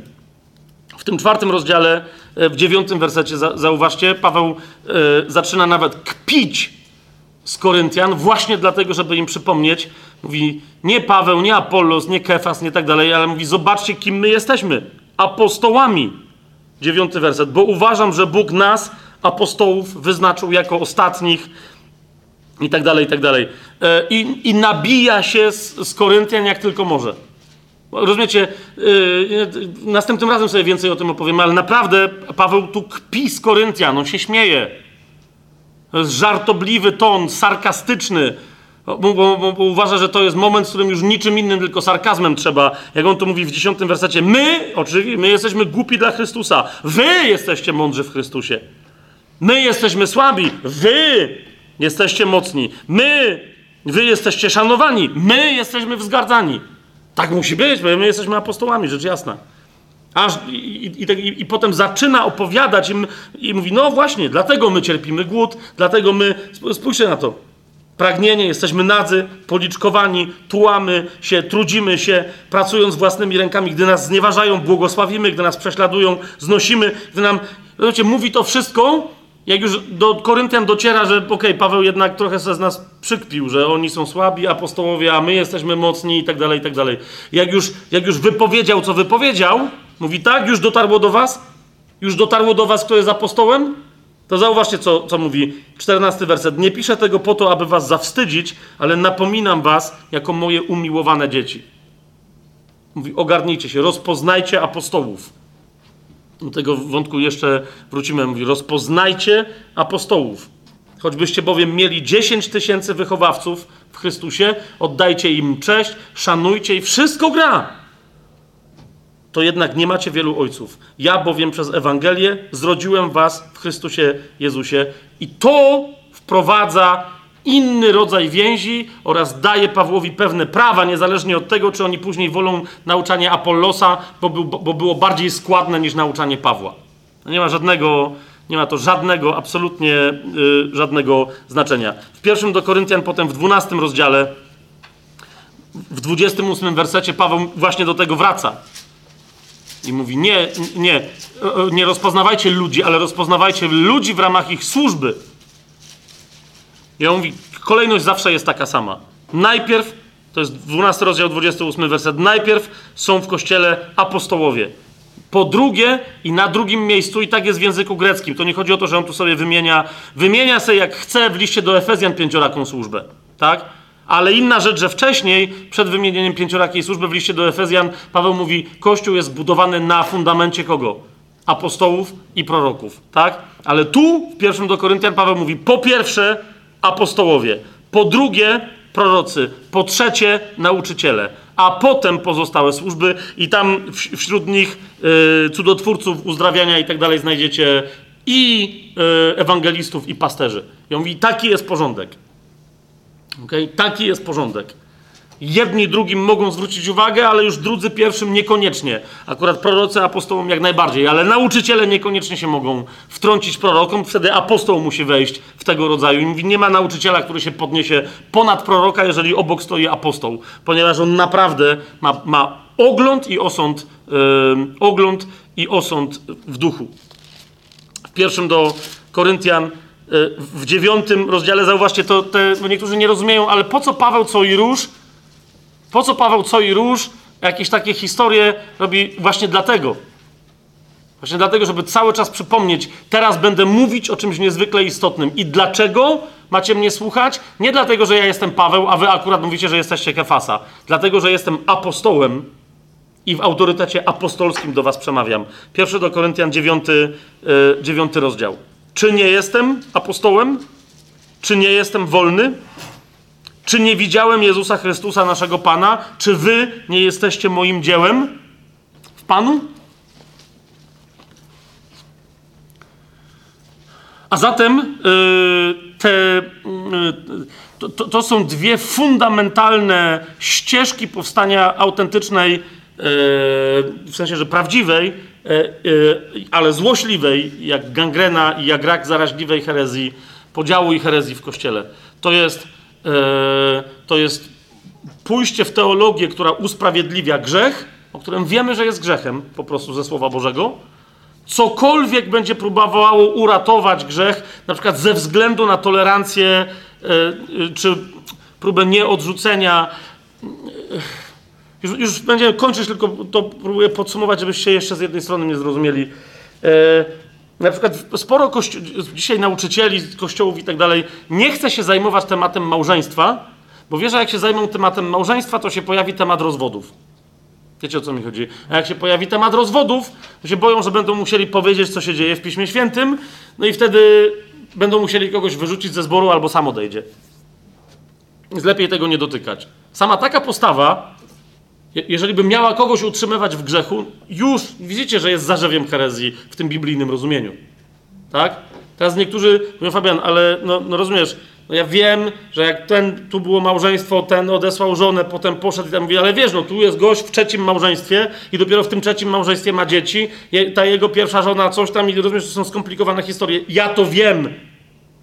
I dlatego jak będziemy mieli spotkanie na przykład nie, niedługo e, poświęcone cały dzień na temat właśnie małżeństwa, ma, e, e, na temat w sensie te, teologii małżeństwa, ale i praktyki małżeństwa, to między innymi to będziemy chcieli pokazać, co, co wtedy w takich skomplikowanych przypadkach. Bo, bo musimy to wiedzieć, że tak, życie, przypadki ludzkie i tak dalej są skomplikowane, ale nadal tylko po to, żeby kogoś nie urazić, żeby nie pokazać mu, że no w coś wdepnął. Jeszcze raz, ja nie mówię, jakie tam są rozwiązania teraz.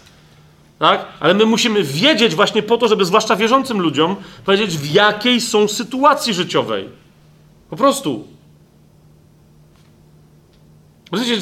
Tu nie chcemy ludzi dotykać, bo a, po prostu pytam się, y, z jednym pastorem żeśmy rozmawiali na, na, na północy polskiej, mówi, no mówi, ale wiesz, mówię, mówi, to jest to takie złożone, mówię, no ale ty wiesz, jak bardzo to jest Ja w ogóle w to nie chcę wchodzić, bo się okaże, że komuś będę musiał powiedzieć, że musi z czymś zerwać. Okej.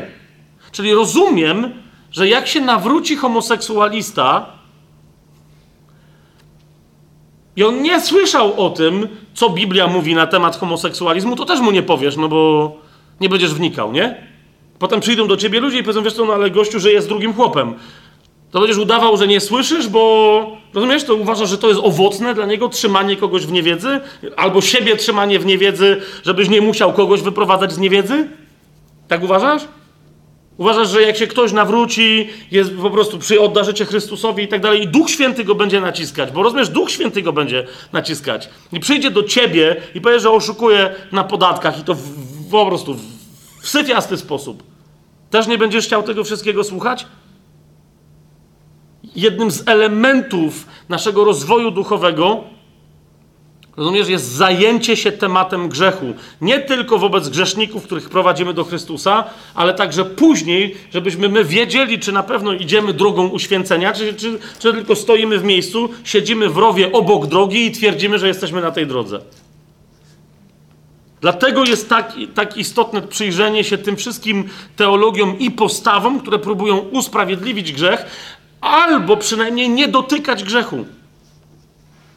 My w Europie coraz więcej mamy e, takich kościołów, które, które wręcz do grzeszników mówią: przyjdź taki jak jesteś, my cię nie chcemy zmienić.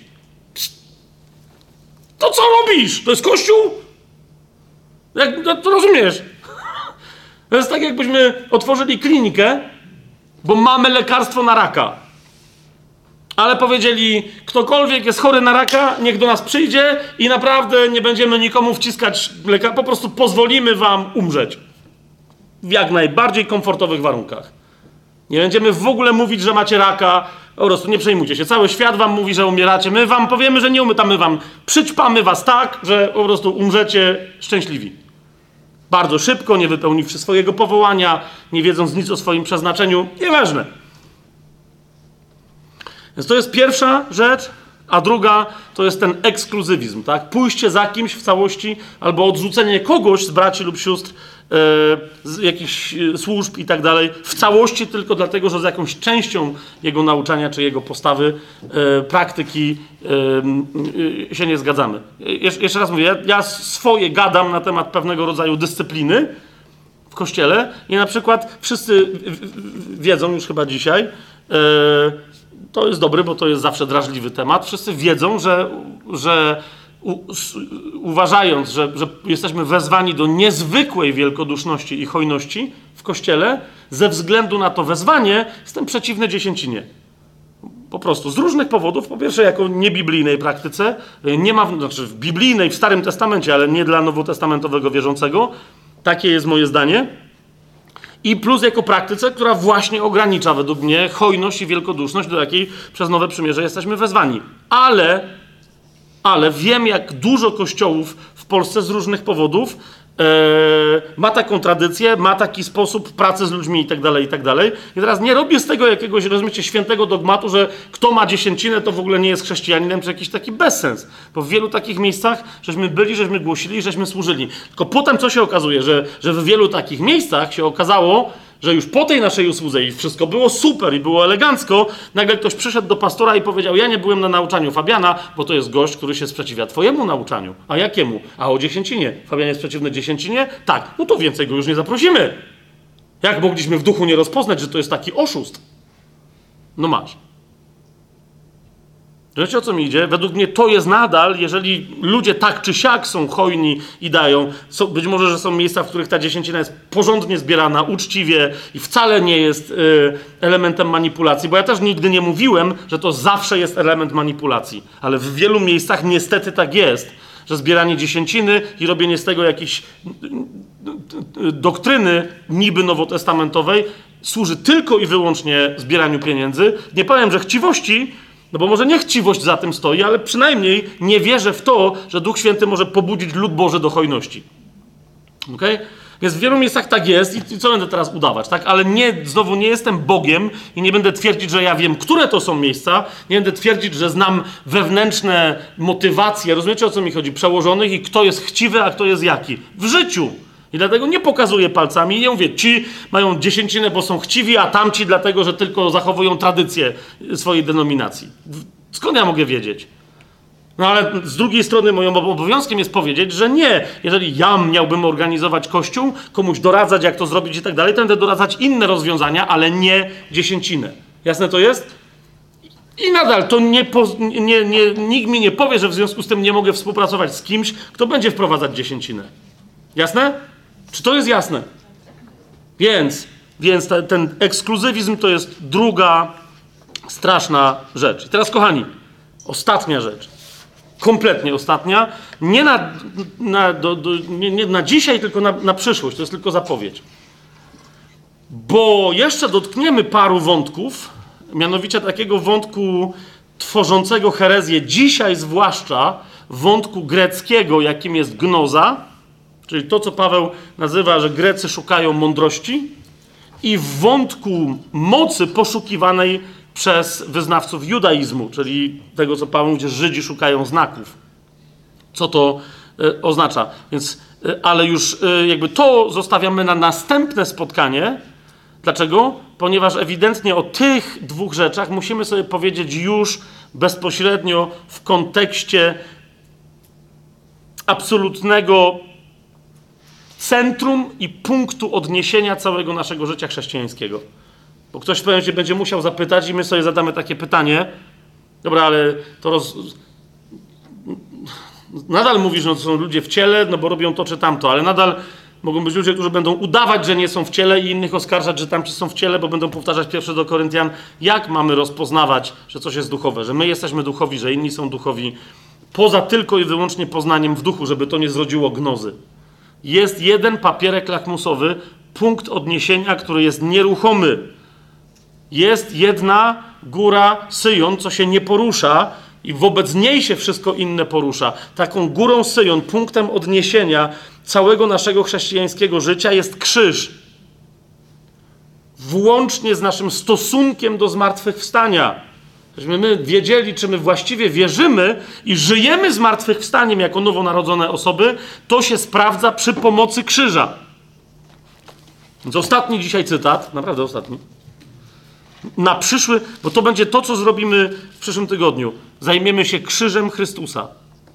Dlaczego? Bo Paweł dokładnie tę miarę ustanawia jako punkt absolutny, punkt, absolutnie nieruchomy punkt odniesienia. Co jest blisko przy nim, co jest daleko od niego, co jest z której strony tego punktu. To jest krzyż. To jest pierwszy list do Koryntian, pierwszy, yy, pierwszy rozdział.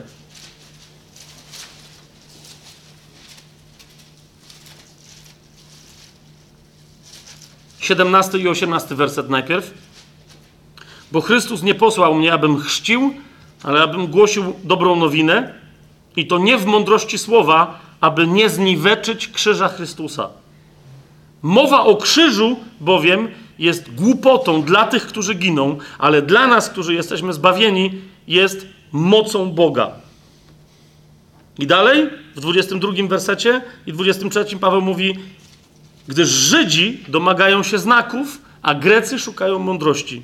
My zaś głosimy Chrystusa ukrzyżowanego, który dla Żydów wprawdzie jest zgorszeniem, a dla Greków głupstwem, ale dla tych, którzy są powołani zarówno dla Żydów, jak i Greków, głosimy Chrystusa jednocześnie moc Bożą i mądrość Bożą.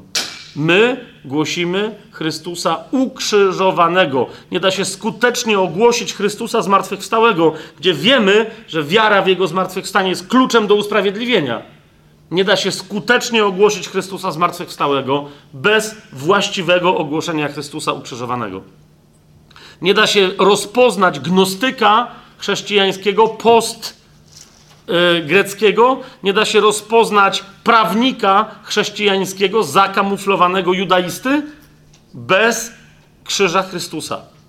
Nie da się w sobie rozpoznać podziału, schizmy i tendencji do herezji bez zaszczepienia w sobie krzyża Chrystusa. Bez rozpoznania trzech aspektów tego, kto wisi na krzyżu. Jak wiecie o co mi chodzi, to bardzo dobrze, bo, bo są trzy rzeczywistości, które wiszą na krzyżu. Tak? I każda z tych rzeczywistości oznacza coś innego, a nasza znajomość z Chrystusem ukrzyżowanym jest, jest świadomością wszystkich tych trzech rzeczywistości wiszących na krzyżu. Chrystus zmartwychwstał, żyje, siedzi po prawicy Ojca, ale dla nas tutaj na ziemi istotą, centrum, absolutnym punktem yy, odniesienia yy, jest Chrystus ukrzyżowany. Chciałem jeszcze jeden cytat podać, ale powiedziałem, że ten był ostatni, ale wiecie, co chciałem zacytować, no nie?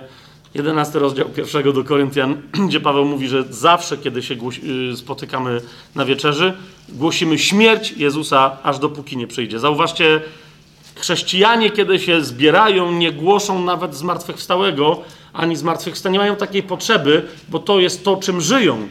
Zmartwychwstała duchowo osoba głosi ukrzyżowanego. Także innym zmartwychwstałym. Po co? No, no, właśnie ze względu na te trzy rzeczywistości, o których sobie następnym razem powiemy. Yy, I yy, jak, dopiero jak to ustawimy, tak? a więc zobaczymy, co jest punktem odniesienia, wokół którego Paweł tańczy ten swój taniec, i to jest taniec wojownika, jak teraz zauważyliście. On nie jest baletnicą, tak? On ma miecz Słowa Bożego w ręce. E, i to jest znacznie piękniejsze niż jakikolwiek chiński film kung fu, jaki kiedykolwiek w życiu oglądaliście. Dookoła krzyża Paweł tańczy i niszczy wszystkie dzieła złego, które zły wymyślił przeciwko ciału Chrystusa. Więc, żeby ten taniec zrozumieć, musimy zobaczyć, gdzie jest ten krzyż, jak on tańczy, żebyśmy my sami do tego, do tej haki tego tańca wojowników, żebyśmy dołączyli tak samo skutecznie i piękni, jak Paweł w tym tańcu w imieniu Jezusa Chrystusa byli. Amen.